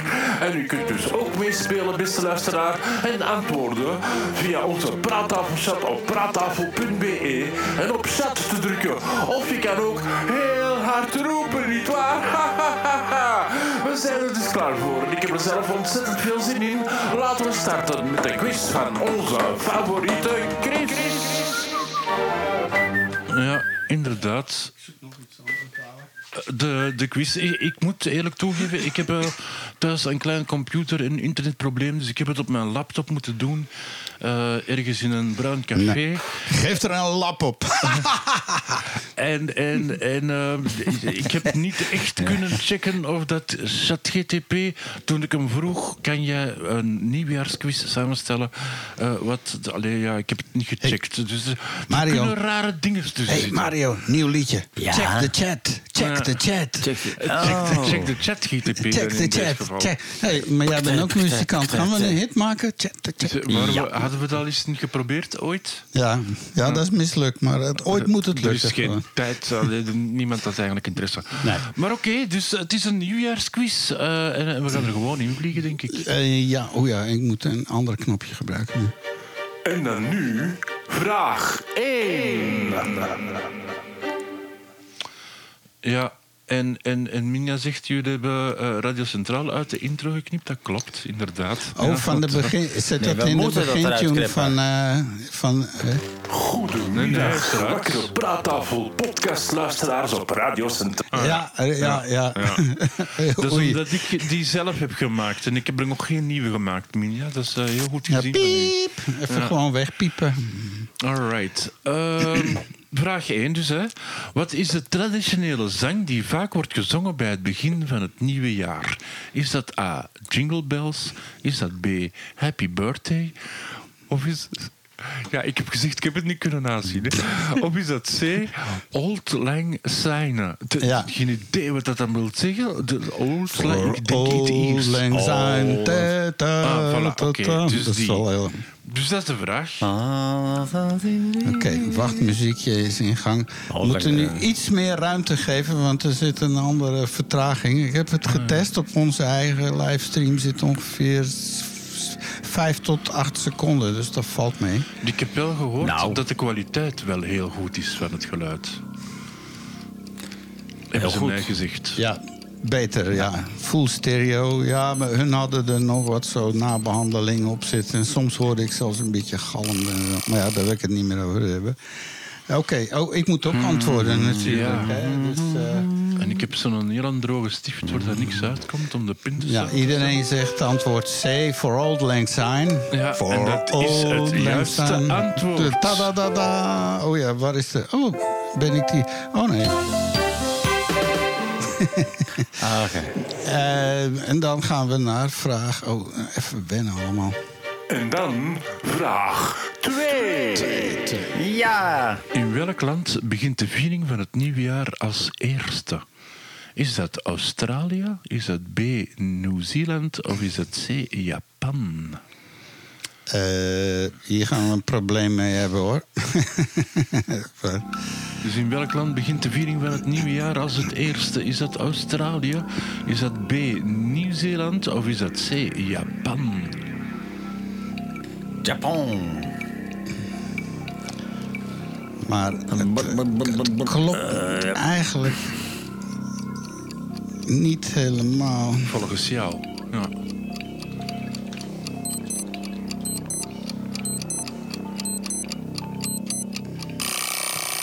Ja, Ehm, Mario Eh. zegt het is B, Nieuw-Zeeland. En Minja zegt B, het is Nieuw-Zeeland. Isvan zegt B, het is... En, en Manu zegt ook allemaal B, dus, en dat is eh, het juiste antwoord. ja, protest. Want het is Kiribati. Dat is namelijk ieder jaar in het nieuws. En dat zijn de, nee, dat zijn de Line Islands of Kiribati, Samoa en Tonga. En zijn de first places to welcome eh, eh, in American Samoa. En, dus dat was- Ja, dat kan ja, best ja, zijn. ja, Is ja, van, ja, maar ja. van Nee. de drie landen die ik heb opgenoemd, welke komt het eerst? Dat was de Ja. vraag. Ja, oké. Maar Nou ja, zeker. Dat gewoon, was de eh, vraag, ja. Dat was de vraag, ja.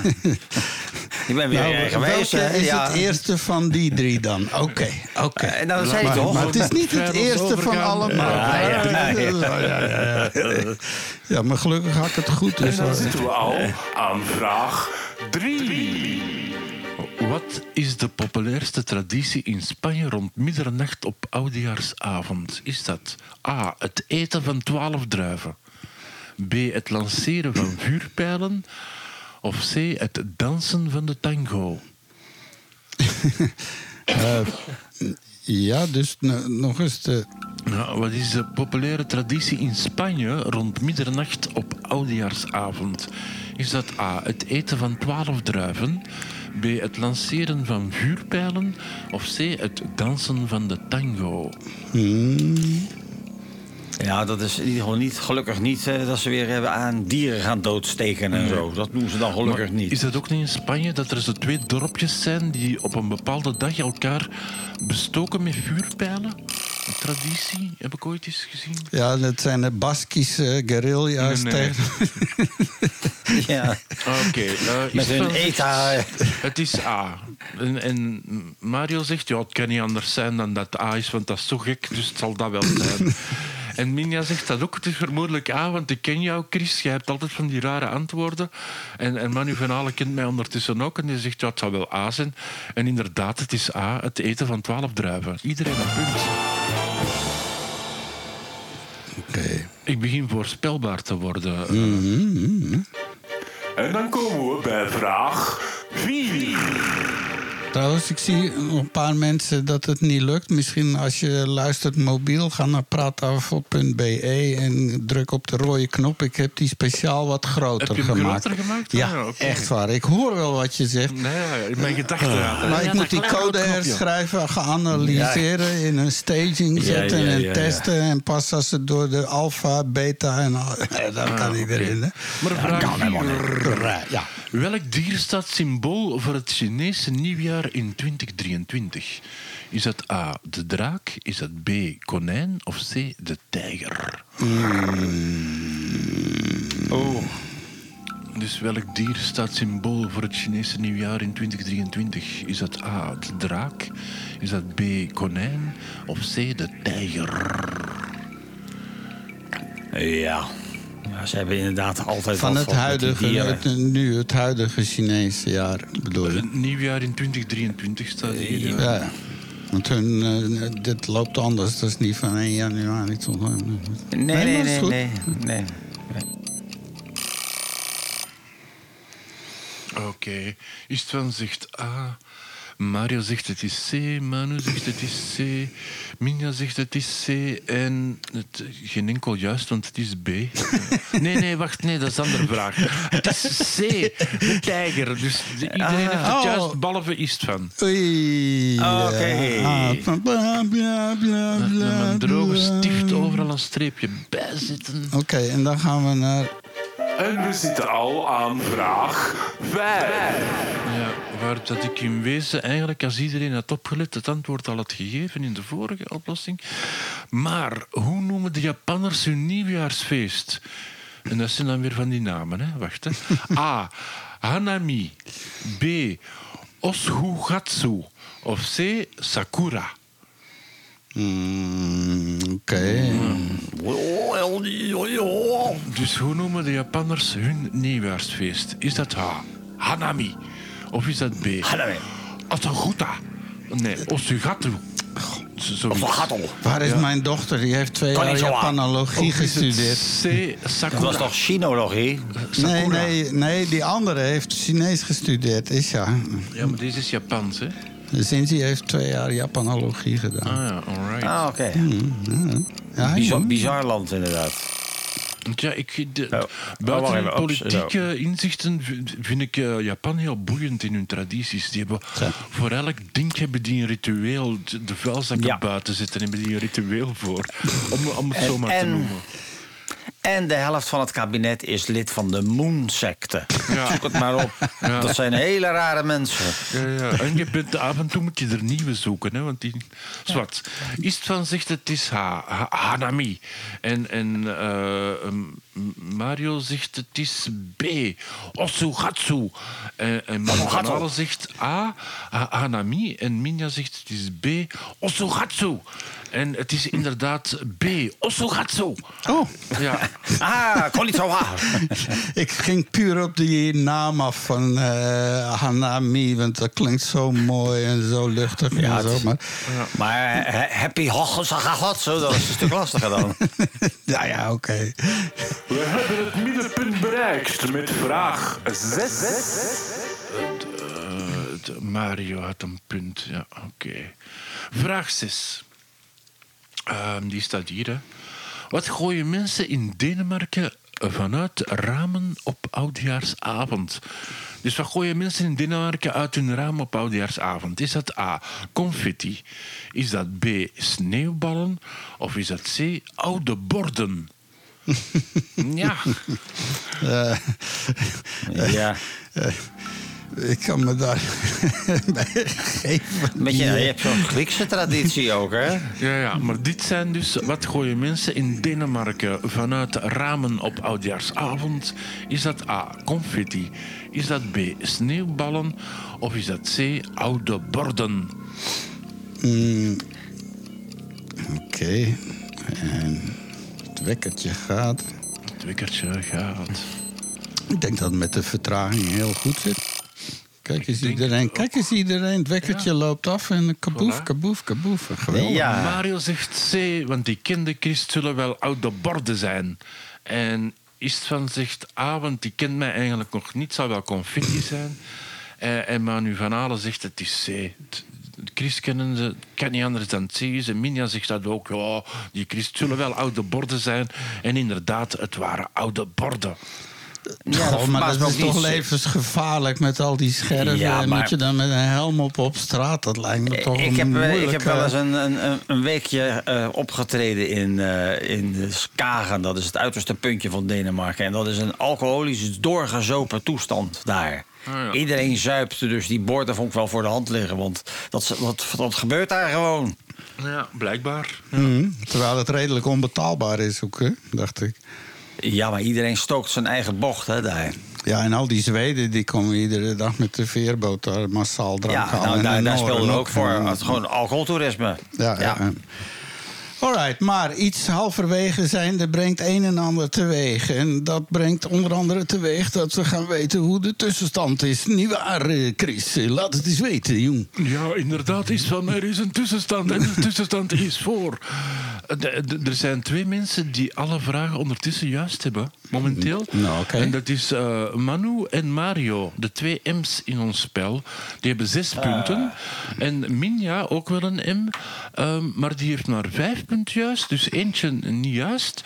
Tenzij dat mijn stift toen niet werkte. En Istvan heeft drie juiste antwoorden. Ja. Maar de helft. Istvan? En Manu? De hè?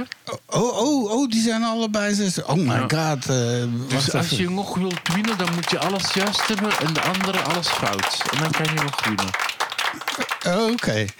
Ja, ja, ja. Ja, het is niet mijn sterkste dag, maar ik ben een beetje afgeleid met de andere stream en Ja, alles is er van alles. excuses, Ja, excuses. altijd, altijd. Ja, maar altijd. het gaat toch wel vaak best wel mis met de techniek. Ik weet niet wat er aan de hand is, maar het- het- soms gaat het gewoon niet goed. Ja, kijk. Eh, wacht even hoor. eh. Kijk, een job is de beste sociale zekerheid. Nou, kijk Oké, eens. nou, gelukkig. Knop dat maar in je horen. Ja, M- Manu, En jawel hoor, hier komt vraag 7. Ja, dat- blijkbaar. eh, Ik heb een stift gekregen van Istvan om de punten. En, en Minja volgens- protesteert, zie je Ja, wel. dat De- is alles juist. Je- maar Manu zegt dat hem ene niet juist is. Dus waarschijnlijk heb ik die Emma veranderd. En dan is dat Minja alles juist heeft en Manu dus maar vijf. Oh. Oké, nou toch wel heel, wel eerlijk van Manu. Dat, dat is duidelijk. Ja, Ja. hij- het is zo eerlijk dat hem dat punt mag houden van mij zelfs.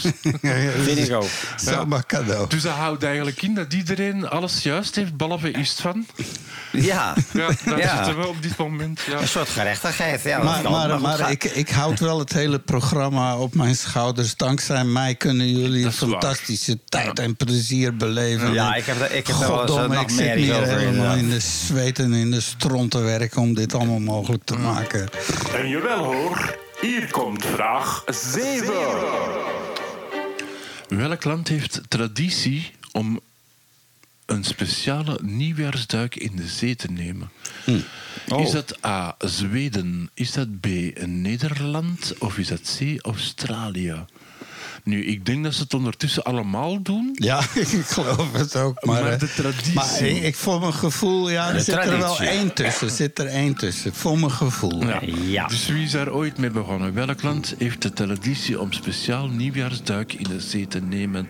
Is dat A. Zweden? Is dat B. Nederland? Of is dat C. Nou, ik vind het wel een interessante vraag. Australië? Hoe is dat begonnen en was dat op basis van vrijwilligheid? Ja.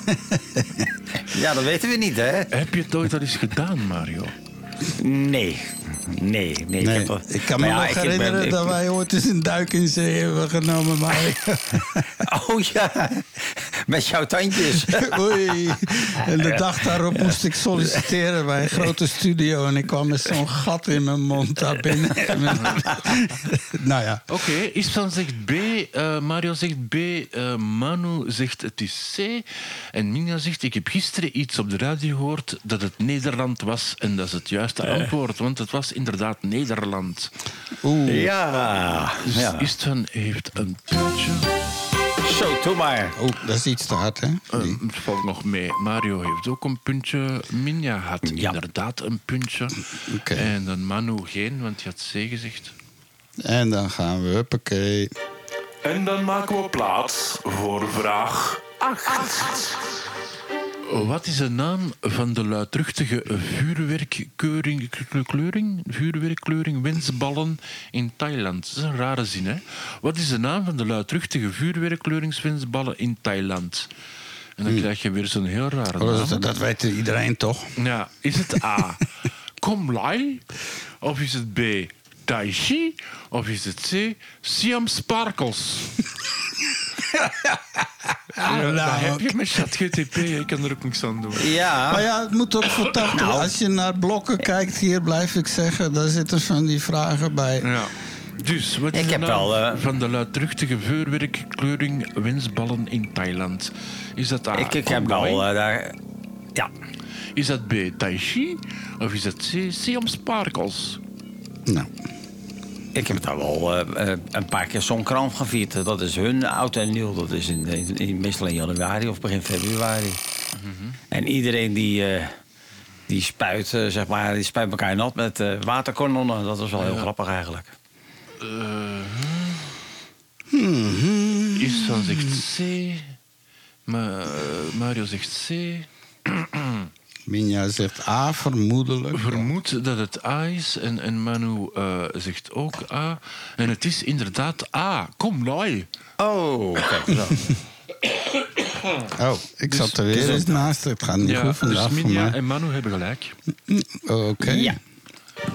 Zijn we al zover? Hier komt vraag 9. Welk jaar werd er gevierd als het millenniumjaar? Was het A 1999? Was het B 2000? Ja, je had het over blokken, hè, is het van? Of was het C 2001? Eh, en de, wat nogmaals de vraag was? De- de- Duwt op uw wachtmuziekje en dan, dan zal ik het nog eens zeggen. Welk jaar werd gevierd als millenniumjaar? Was het A 1999? Was het B 2000 of C 2001? En dan heel hard hoesten, want ja, ik krijg hier geen drank. Ja, ik zal dan zorgen voor wat water voor je.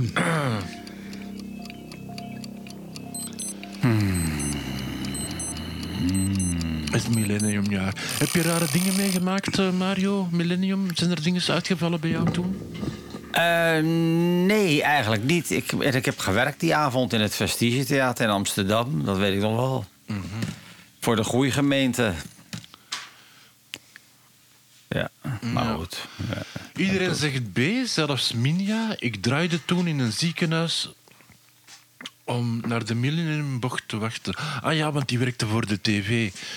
Dus die zat toen te draaien in het ziekenhuis, te wachten tot alles uitviel. Maar er gebeurde blijkbaar niks, vermoed ik dan. Maar inderdaad, het was B, iedereen een punt.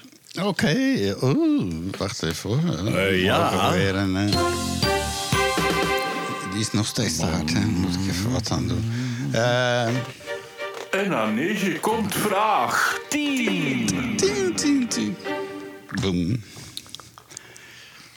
Ja, sorry, ik was even aan het drinken. eh. In welk land geloven mensen dat het eten van zwarte eyed peas, dus de black eyed peas, niet de groep, hè, maar de, de, de, de pea zelf, op oudjaarsdag geluk brengt? Is dat A. Frankrijk, is dat B. Zuidelijk Verenigde Staten of is dat C. India? Oké, dan gaan we wachten weer. Dus in welk land geloven mensen dat Black Eyed Peas op Oudjaarsdag geluk brengt? Is dat A. Frankrijk? Is dat B. Zuidelijk Verenigde Staten? Of is dat C. India? Het is de South of the United States. Nou joh. Nog eens drinken dat ik niet zo biet nog moet hoesten.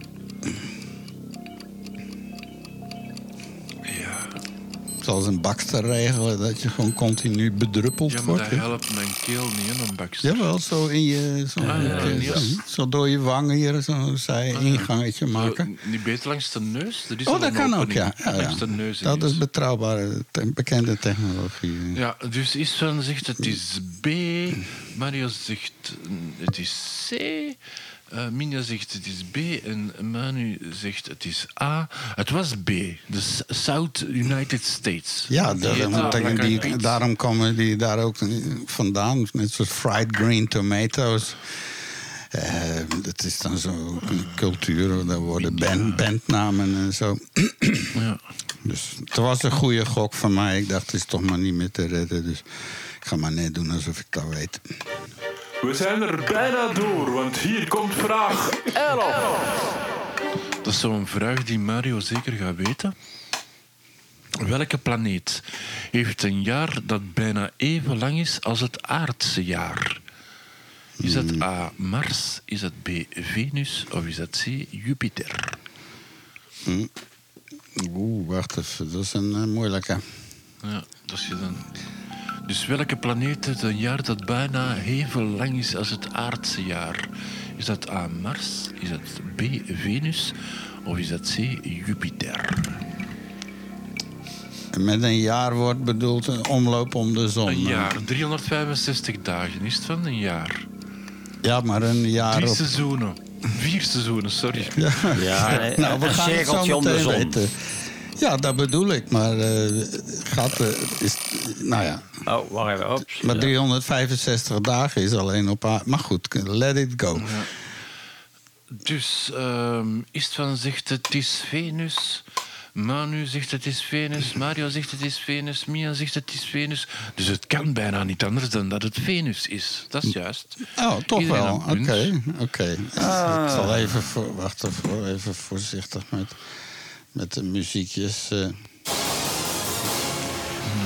Ik zit hier met te schrappen met een droge stift die bijna niet werkt. Dus ik hoop dat strak mijn uitkomst juist is. ja. Maar dat jaar is wel korter als op aarde. Het is een jaar. Maar ik bedoel, eh, Bijna maar het is minder aardse dagen. Bijna even lang. Bijna. Bijna. bijna. Ja, bijna. Oké. De laatste vraag van vandaag. Vraag 12. Welk nieuwjaarswoord wordt vaak gebruikt om te proosten? Is dat A. Hooray? Is dat B. Cheers? Of is dat C. Salut? En ik vermoed... Ik vermoed dat het er van afhangt waar dat je zit op dat moment. Oké, nou, ik- vind het wel een heel feestelijke vraag. Daar moet eigenlijk Ja. zo'n vuurwerk-effect bij. Ja, dus? Ah, oké, ja, Ja. tuurlijk. Je wacht op iets. Ja. Dus welk nieuwjaarswoord wordt vaak gebruikt om te proosten? Is dat A. Hooray? Is dat B. Cheers? Of is dat C. Salut? Geen van die drie, Geen van de drie? volgens mij. Ja, in, in Vlaanderen niet. Is dat gewoon, ja, zeg, uit, succes, hè. Salut, hè. Cheers is eh, proost. Salut is Frans voor proost. Hooray zal ook wel ergens een, eh, een land zijn. Worden. Hooray. Dat, eh, Hooray! Nou, nou, wat zegt... eh, wat zegt eh, maar we hebben het inderdaad met GPT te maken... dus we mogen jou niet echt aanvallen. Nee, nooit eigenlijk. eh. dus eh, Manu zegt het is A, hooray. Eh, Mario zegt het is C, cheer, salut. Uh, Istvan zegt het is salut. Minja zegt het is salut. En eigenlijk, het lag voor de hand. Het is gewoon B, cheers. Niemand had het juist. Ah, oh, kijk eens aan. Nou. Oh, dan moet een heel ander muziekje. Moeten we een treurig muziekje nog bij maken, Mario? Nee, dat moet je doen na de uitslag. Ja, ja, ja. Dus dat houdt in dat we nu een. De einduitslag gaan krijgen. Ja. Ja, ik probeer. Ik heb dus van. Is het van. Zo, heb jij iets om te schrijven om de punten bij te houden? En die gaf mij een blauwe stift die niet werkte. Ja, ik heb hier niks meer analoog. Zo. En, en nu moet ik dus zien hoeveel streepjes iedereen heeft. Maar volgens mij heeft Minja gewonnen met tien juiste antwoorden. En daarna zit Mario en zowel Manu met negen juiste antwoorden. En dan heb je Istvan met zeven juiste antwoorden. Oh, Oké, wacht even. Dus Minja is de grote winnaar eh, vandaag. De grote Ja. En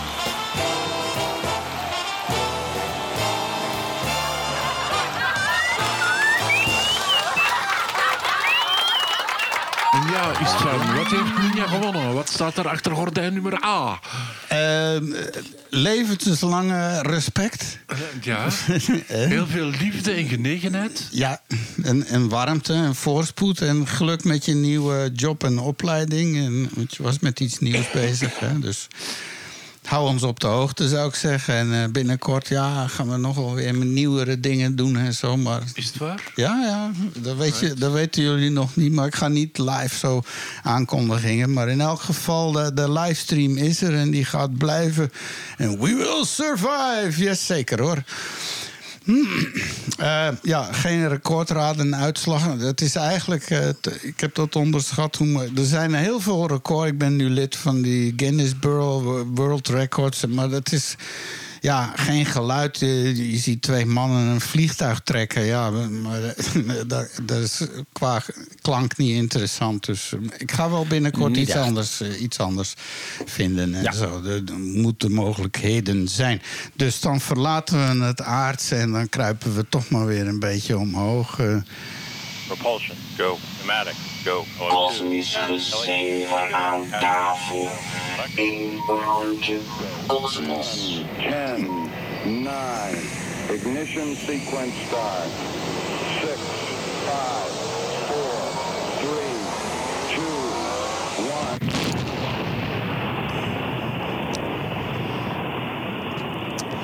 Zeker weten, we verlaten de aarde even om toch omhoog te kijken wat er allemaal boven ons gebeurt. En, maar soms moeten we ook naar beneden kijken. Want eh, als je heel goed kijkt, Mario, Hè, dan Ja. schommelt de aarde een beetje. Ja, dat klopt. Dus, eh, Ik dacht dat het aan mij lag dat- dat ik zo'n beetje wankel was en zo. eh, evenwichtsprobleem. Maar het is gewoon de fucking aarde die onder onze voeten schommelt. Ja, de klote man. Nou ja, we werken er niet zo al, te veel van. Maar inderdaad, normaal, eh, we hebben natuurlijk een, een kern en die is vast. En daaromheen zit een vloeibare mantel. Eh, en die draait als het goed is mee met, met zeg maar de rest.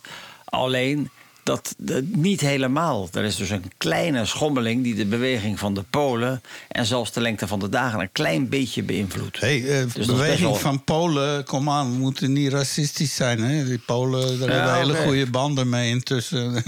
Dus zijn die ondertussen al niet terug naar huis en zijn het al geen Oekraïners? dus we hebben hier hier? Poolse winkels al en zo. Ah ja, dus ja, ja. Ja. ja. daarom, je moet oppassen wat je zegt. We worden Ja. gecanceld door Polen. Ja, goede benen Ja, nee. trouwens. eh. Ja. Maar inderdaad, dus, dus het, het, het schommelt een klein beetje. En nou ja, dat, dat be- beïnvloedt dus de hele aarde en ook een beetje het magnetisch veld. Eh, maar het staat wel ruwweg. Het is wel hetzelfde. Iedere dag is eigenlijk gewoon altijd 23 uur 56 minuten en 4,0916 seconden. Dus dat, dat is een klein. eh, Maar het, het, trilt. Er zitten toch piepkleine variaties in. En dat beïnvloedt toch best wel heel veel. Het scheelt toch wel, eh, wat was het? 0,17 graden als je kijkt. Het is, het is niet veel. Maar eh, ja, dus men, men doet daar onderzoek naar. En helaas is het eh, een van de minst be- begrepen toestanden. Want we kunnen daar niet heen boren. we kunnen niet 6000 kilometer boren naar het binnenste van de aarde. We, we kunnen maar een. eh, wat record staat op 12 kilometer of zo. Dus het is Ja, niet wat, veel. wat één ding wel heel jammer was. Ik was eigenlijk, bedacht ik, heel benieuwd naar een selfie van de aarde door de James Webb. Maar dat is nu juist de enige foto die die van zo lang en lang Nee. zijn leven nooit kan trekken omdat dat schild, eh, dat warmteschild onder de telescoop... Ja, dat, dat- is precies met ja. zijn kont tot naar de aarde gericht. En we vliegen ook in, de, in het verlengde van de Nou. aarde om de zon heen... in het eh, Lagrange point. Maar ja, eh. we hebben natuurlijk wel van de, de, de, Little Blue Dot. En dat is zeg Ja. maar die, die, die krankzinnige foto waarbij je dus een inkzwarte achtergrond hebt met een heel klein piepklein blauw balletje. En dat zijn wij. Ja, dat is een hele dat beroemde van de foto. Voyager. Wat is dat? Die, die, Ja, die, die- die keek vliegt het, achterom. eh, Ja, die, die is inmiddels zeg maar eh, zo'n beetje uit de heliosfeer. Dus de, de invloedssfeer van de zon. Buiten het zonnestelsel, voorbij de oortwolk nog. Ja, en dan, dan, dan zie je dus hoe eenzaam eigenlijk dat, dat we zijn. Ja, ja, en Ja, hij heeft nog genoeg eh, pa- eh, sap om eh, nog een jaar of drie, vier uit te houden. Want ze, zijn, ze hebben energie vanuit eh, kernbatterijen, nucleaire batterijen waren dat.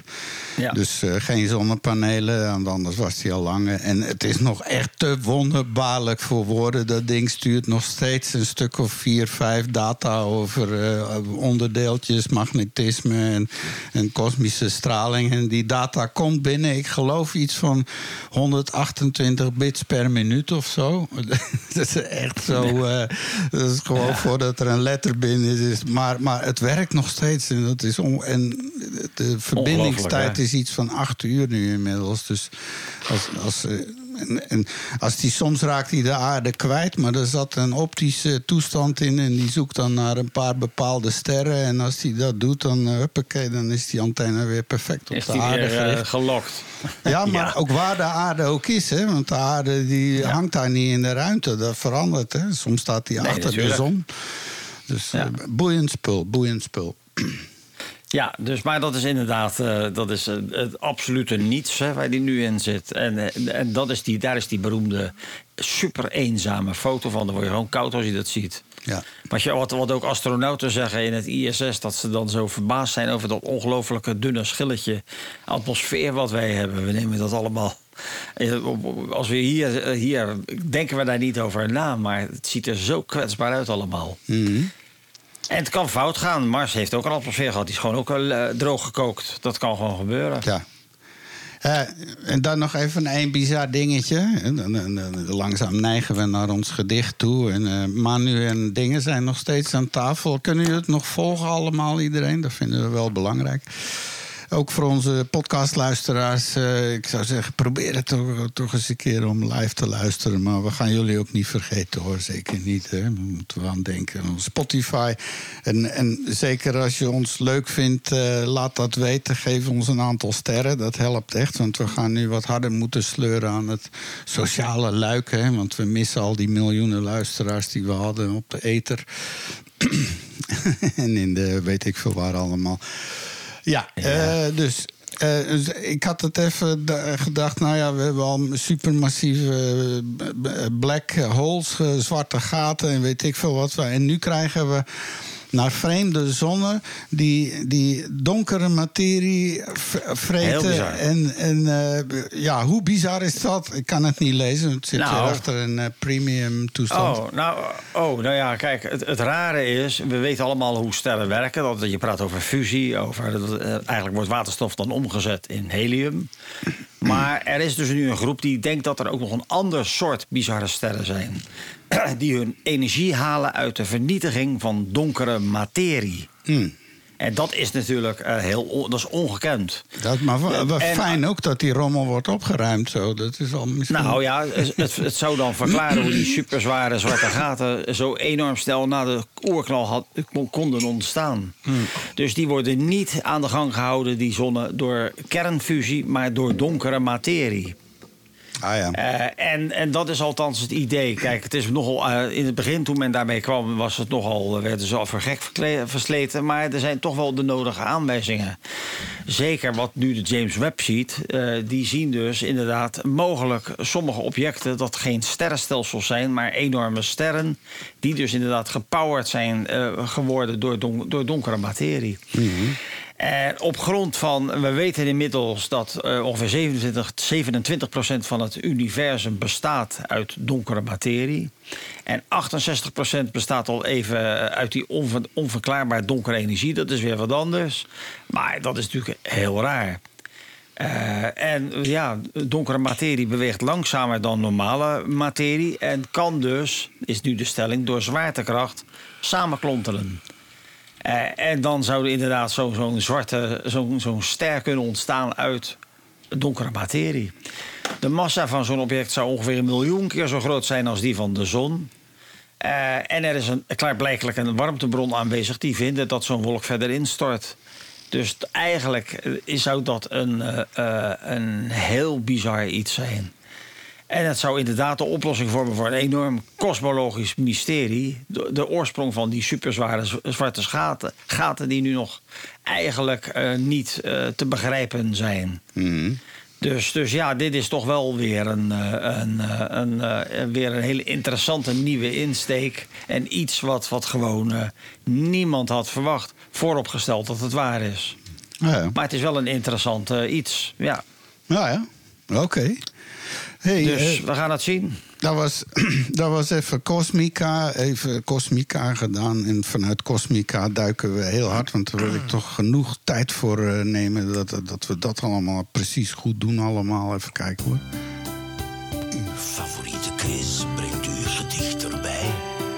Ja, sommige dingen veranderen en andere dingen nooit. Dus dit gaan we toch niet gauw veranderen. Het is vrij uniek dat eh, de een in Nederland, de ander hier... en dan live met muzikale begeleiding.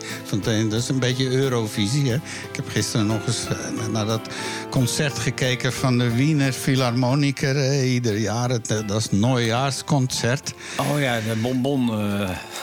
Eh, De helft was eh, vrij militaristische muziek allemaal. Hè? Dus om Ja. maar met de Radetzky Mars af te sluiten, dat is natuurlijk... Maar ik vond het Ja. muziekkeuze... En dan hadden ze een heel stuk over, over Bruckner, hè? Goh, Oh ja. ro- dat was taaie, dat was taaie kost, zeg. Dat was niet te vreten. En wat heeft dat met mijn gedichten te maken, beste Istvan? Nou, dat is ook taaie kost, maar wel. eh, Oh ja, oké, ja, nee. Als je het zo zegt, dan eh, oké. Ja, maar ja, wel ja. positief. Wel positief. nou ja, goed. Een draad, een draad soms raakt kwijt in het universum. Ja. Ik zit eigenlijk al bij het volgende onderwerp. Hier zag ik een wietnommer staan. maar goed, Ja. eh, go your gang, Chris. Take Ja. it home. Wie het in de Lage Landen over literaire nieuwjaarsmensen of nieuwjaarsgedichten heeft, zal al snel uitkomen bij Guido Gezellen. De beroemde 19e-eeuwse Vlaamse dichter en priester, was een meester in het schrijven van gelegenheidsgedichten.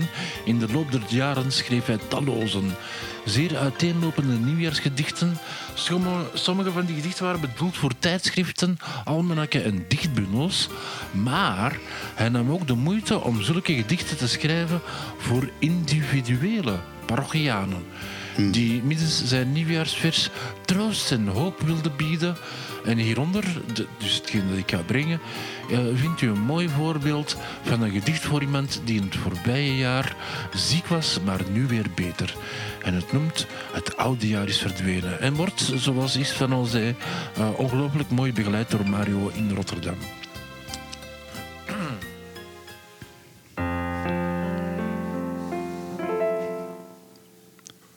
Het oude jaar is verdwenen. En het nieuwe jaar is verschenen. Het oude jaar met zijn leed en pijn. Het nieuwe jaar met uw beter zijn. Het oude jaar en komma. En nu nooit meer wederomme. Het blijven daar. Het verdwenen is. Voor altijd in vergetenis.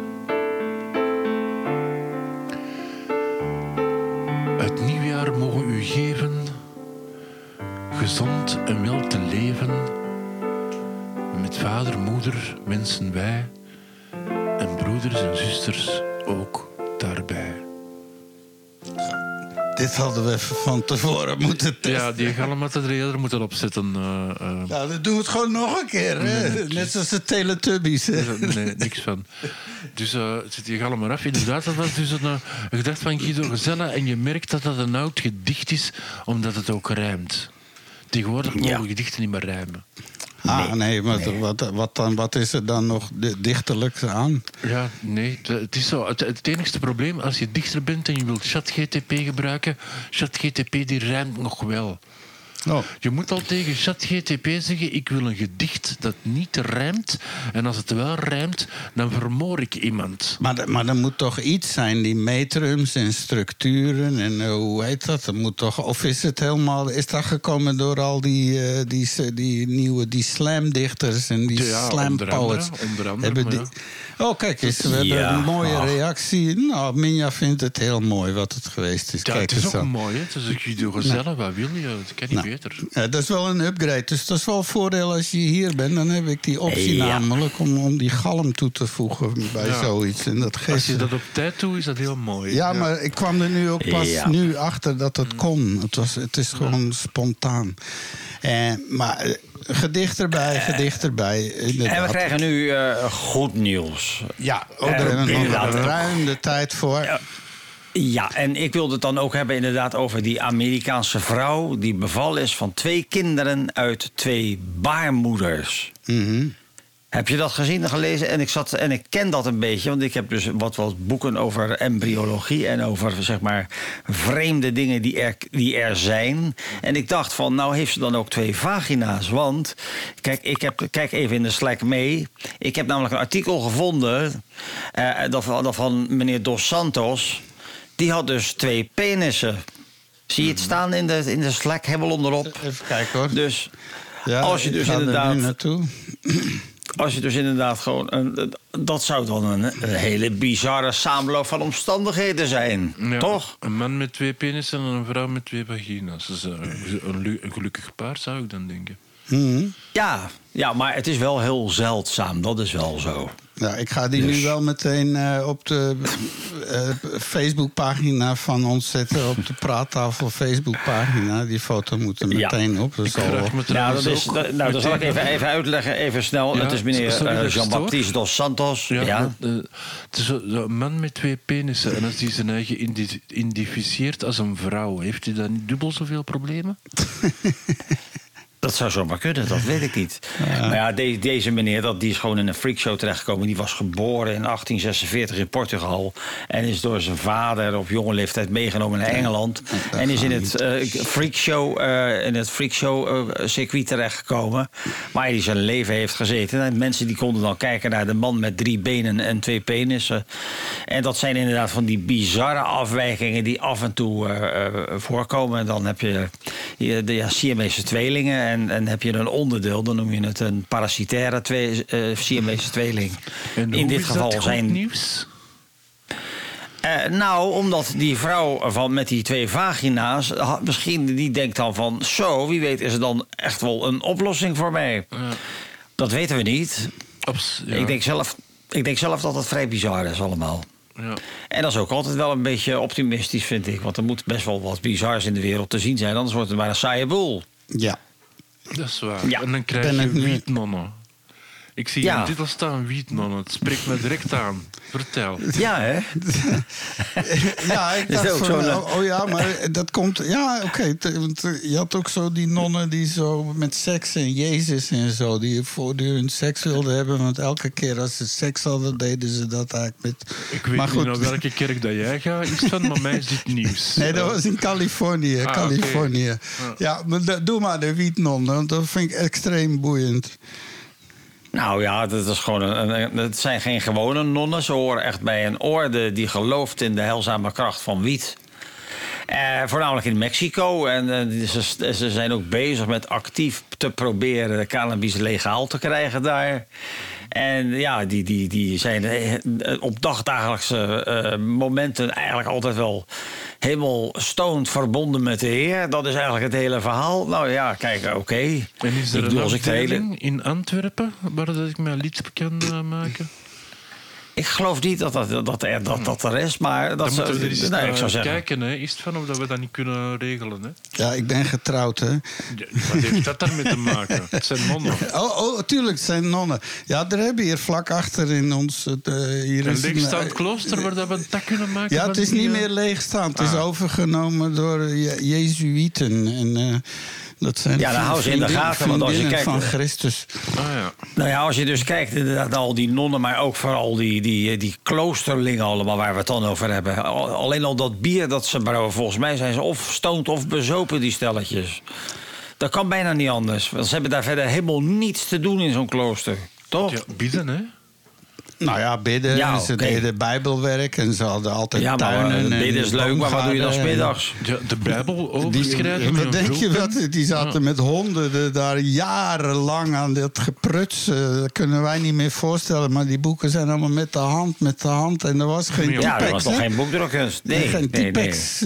Typex. Als je er een foutje maakte, dan ging dat hele boek met je familie op de brandstapel.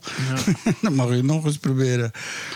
Ja, en dat is, in zo'n geval zou ik ook wiet gaan blowen of op mijn eigen drank brouwen, toch? Voilà, kijk. Dus je hebt, begrijp hebt dat wel. gevonden. Ja, maar Ja. Ik, ik vind dat wel. Er was een eh, secte in Californië of zo, een bepaalde soort van kerk. En die, eh, nou goed, maar dat is een ander verhaal. We moeten het ook natuurlijk heel Maar ik ben blij beschaafd dat het houden. toch tenminste goed nieuws is deze keer. Ja, ja, ja. En dat die vrouw Nou. bevallen is van die twee kinderen. Ja, dat is in elk geval een eh, dat dat kan. dus Ja, ja, ja. Nou ja, dat, zijn alleen maar, dat is echt positief nieuws. En wat, wat, wat je zei over wat in de standaard stond... over dat er dus in België meer hernieuwbare dan fossiele stroom wordt opgewekt.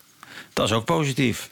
Ja, daarom. Ik dacht dat zeker even. Ja, er is wel een kentering aan de gang. Hè? Want, je, want je ziet wel die, die molens en zo, die worden inderdaad wel groter en groter. eh, Maar eh, aan de andere kant worden ze daarmee ook exponentieel eh, meer efficiënt hoor. Dat heeft wel daarmee te maken. Maar dat is ook typisch een, een Belgisch product. En daar bedoel ik mee. Dat België is, is een beetje de hoofdstad van Europa. Dus wij moeten altijd het goede voorbeeld tonen.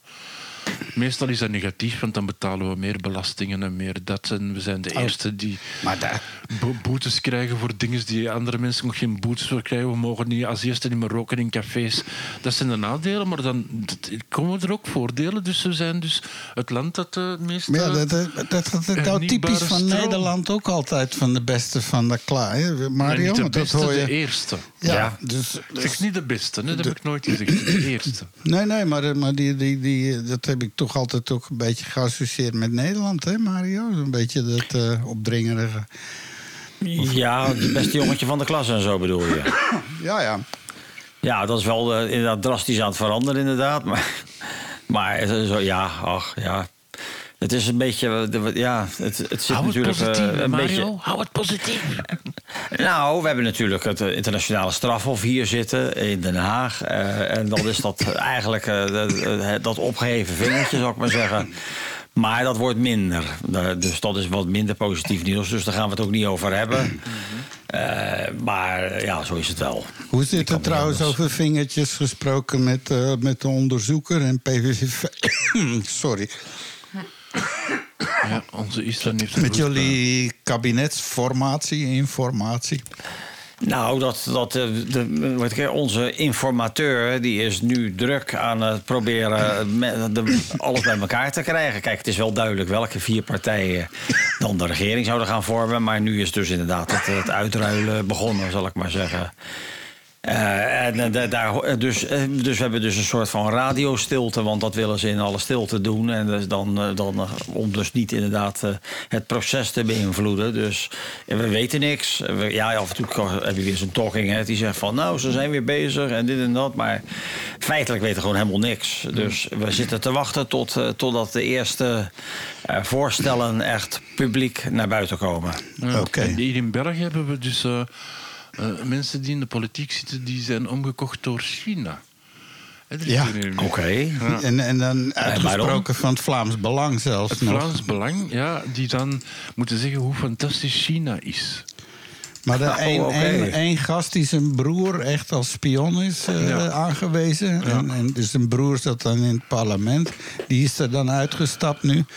En dan eh Philip de Winter. Maar ja, dat weet ik niet. Maar er was een die is moeten komen uitleggen. Die zou ook al jaren voor een bepaald Chinees bedrijf eh, promotie gemaakt hebben en, en, en weet ik veel. Ja, en je weet alles wat je koopt Chinees. Dat heeft een achterpoortje naar Pe- Peking. Hè? Beijing. Zo gezegd. Dat Ja, is de. Dat is beschuldiging. inderdaad de beschuldiging, hè. Dat is met Huawei helemaal misgelopen op dat vlak. En, en Ja. nog is er nooit echt keihard bewijs en zo. Het is allemaal, ja, het zou kunnen, het zou kunnen, het zou kunnen. Maar, eh, maar ja, Ja, dat die broer spion was, dat, dat, dat is me ze bewezen, hè, de staatsveiligheidsdienst. Die Ja, ja, Nou nee. ja. Maar zoals dat Huawei allemaal achterpoortjes inbouwt en zo. Maar wat ze eigenlijk bang voor zijn, is Huawei doet dat niet. Maar als het hoofdkantoor van Huawei ineens wordt bestormd door de Chinese politie, weet ik veel wat ze dan meestal doen. eh, Dan wordt er gezegd van jij maakt nu dat achterpoortje en zo. En we verzinnen dan Nou wel. ja, echt, het is niet echt inderdaad. Het is geen democratisch land, het is een Nee, communistisch land. En je ziet inderdaad wat. wat, wat eh, er is wel verzet, maar iedereen loopt daar aan de leiband. Ja, echt goed Speaking of which. Dit- Nou, wat het goede eh, nieuws is, dat ik, eh, als, als we dadelijk klaar zijn, dan maak ik het niet al te lang. Dan, eh, dan, want ik heb om twee uur word ik verwacht. Dan ik ga naar de kunsthal en ik ga naar een overzichtstentoonstelling eh, van het werk van de Chinese kunstenaar Ai Weiwei. En dat is inderdaad. Ah, eh, dat is boeiend. Ja, dus, dus dat is echt. En die heeft zeker heel veel verwijzingen naar de dictatuur in, in China natuurlijk. Ja, het is daarom dat hij er ook niet meer welkom is. Hè. Eh, hij heeft daar ook vastgezeten een paar jaar, dacht ik. Hè, Ja, die, die heeft constant brol. eh, maar maar maar ja, hij is want, net eh, iets te beroemd voor hun om hem te goulageren of zo hoor. Want ze daar nog in China. is Maar nu is die Ja. Jimmy Lai, die staat nu terecht in Hongkong. Ja, Huawei Ja. heeft een, eh, toch een jaar of vijf huisarrest gehad. En dan hebben ze hem buiten ja. gegooid. eh. Ja, Nou ja, maar wat we in Nederland nu hebben, daar, dat is ook, is, daar is ook heel veel vragen over. Eh, er zijn 28 Chinese weekendscholen in Nederland... waar iedere week ongeveer 5000 Nederlandse kinderen les krijgen. Ja. Taal- en cultuurlessen. Met een, dus dat, zijn, dat zijn dus voor mensen met een Chinese achtergrond. Klein. Er wordt ook Chinese aardrijkskunde en geschiedenis gegeven. En we weten ook dat ze hun eigen geschiedenis aan het herschrijven zijn. Dus die gaan dingen leren die gewoon niet waar zijn. Ja, maar dat heb je hier in Antwerpen met de Joodse en de moslimscholen. Dat is juist hetzelfde wat dat betreft. Ja, nou daar verbaas ik me wel over. Want als je kijkt naar bijvoorbeeld de, de vrije Westerse Europese landen, dan zie je toch wel een soort van bewustwording. In Nederland staat, wordt nou tegenwoordig bij iedere volksheld eh, eh, van vroeger wordt, is er nu een disclaimer bij. Want, want dat, die, de, onze zeehelden die waren fantastisch, maar het waren natuurlijk ook schurken voor wat betreft de mensenrechten. Dat staat er allemaal bij. En de slavenhandel. Ja, die periode. Dus, die, dus dat was niet alleen maar. eh, ja, dat was ook heel nadelig voor anderen.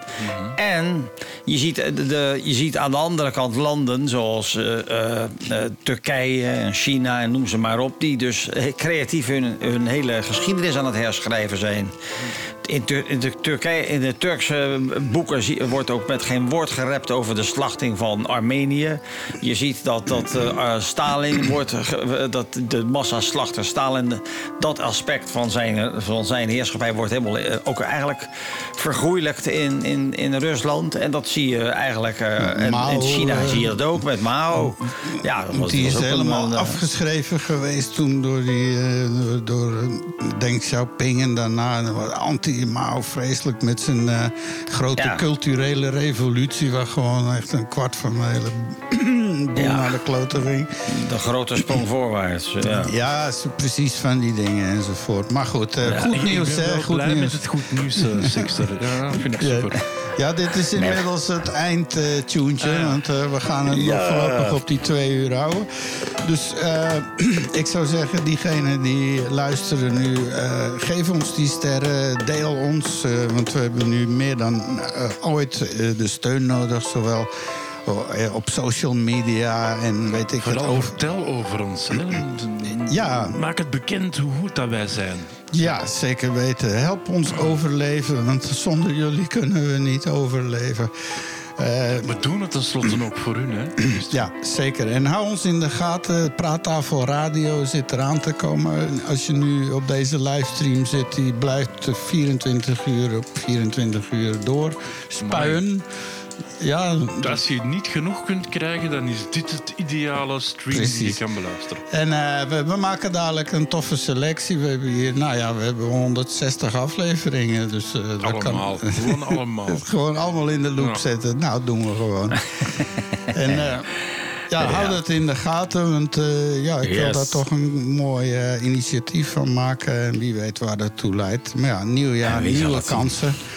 Eh, Nogmaals, hartstikke bedankt aan iedereen die luistert. En ook in de podcast. eh, kijk ons, eh, de vragen die we stellen, moeten we door twee uur lang, niet te lang. Moeten we andere onderwerpen doen? Moeten we, hè, wat, wat, wat, wat. We doen het al langer dan een jaar is het van.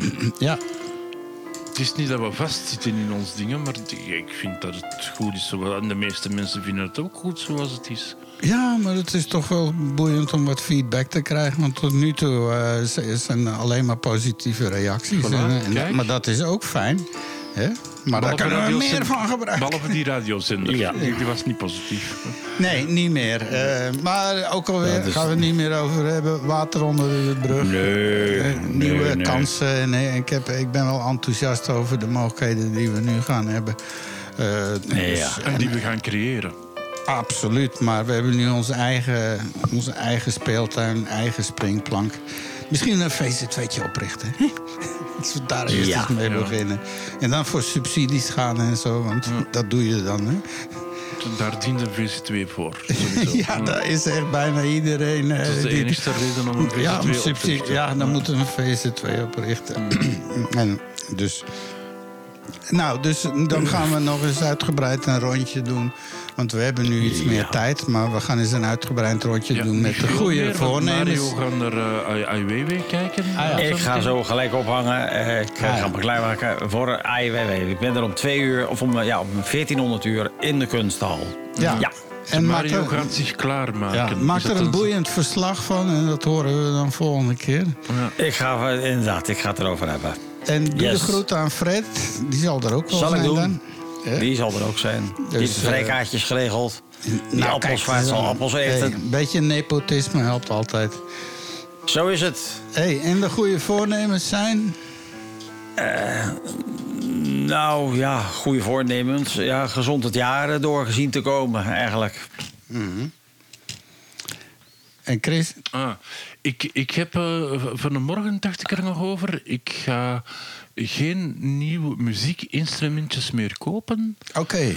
Ik ga eens beginnen met degene die ik heb. En dat zijn er wel een boel al, al wat te spelen gewoon. Eh, Oké. En te houden met wat ik heb.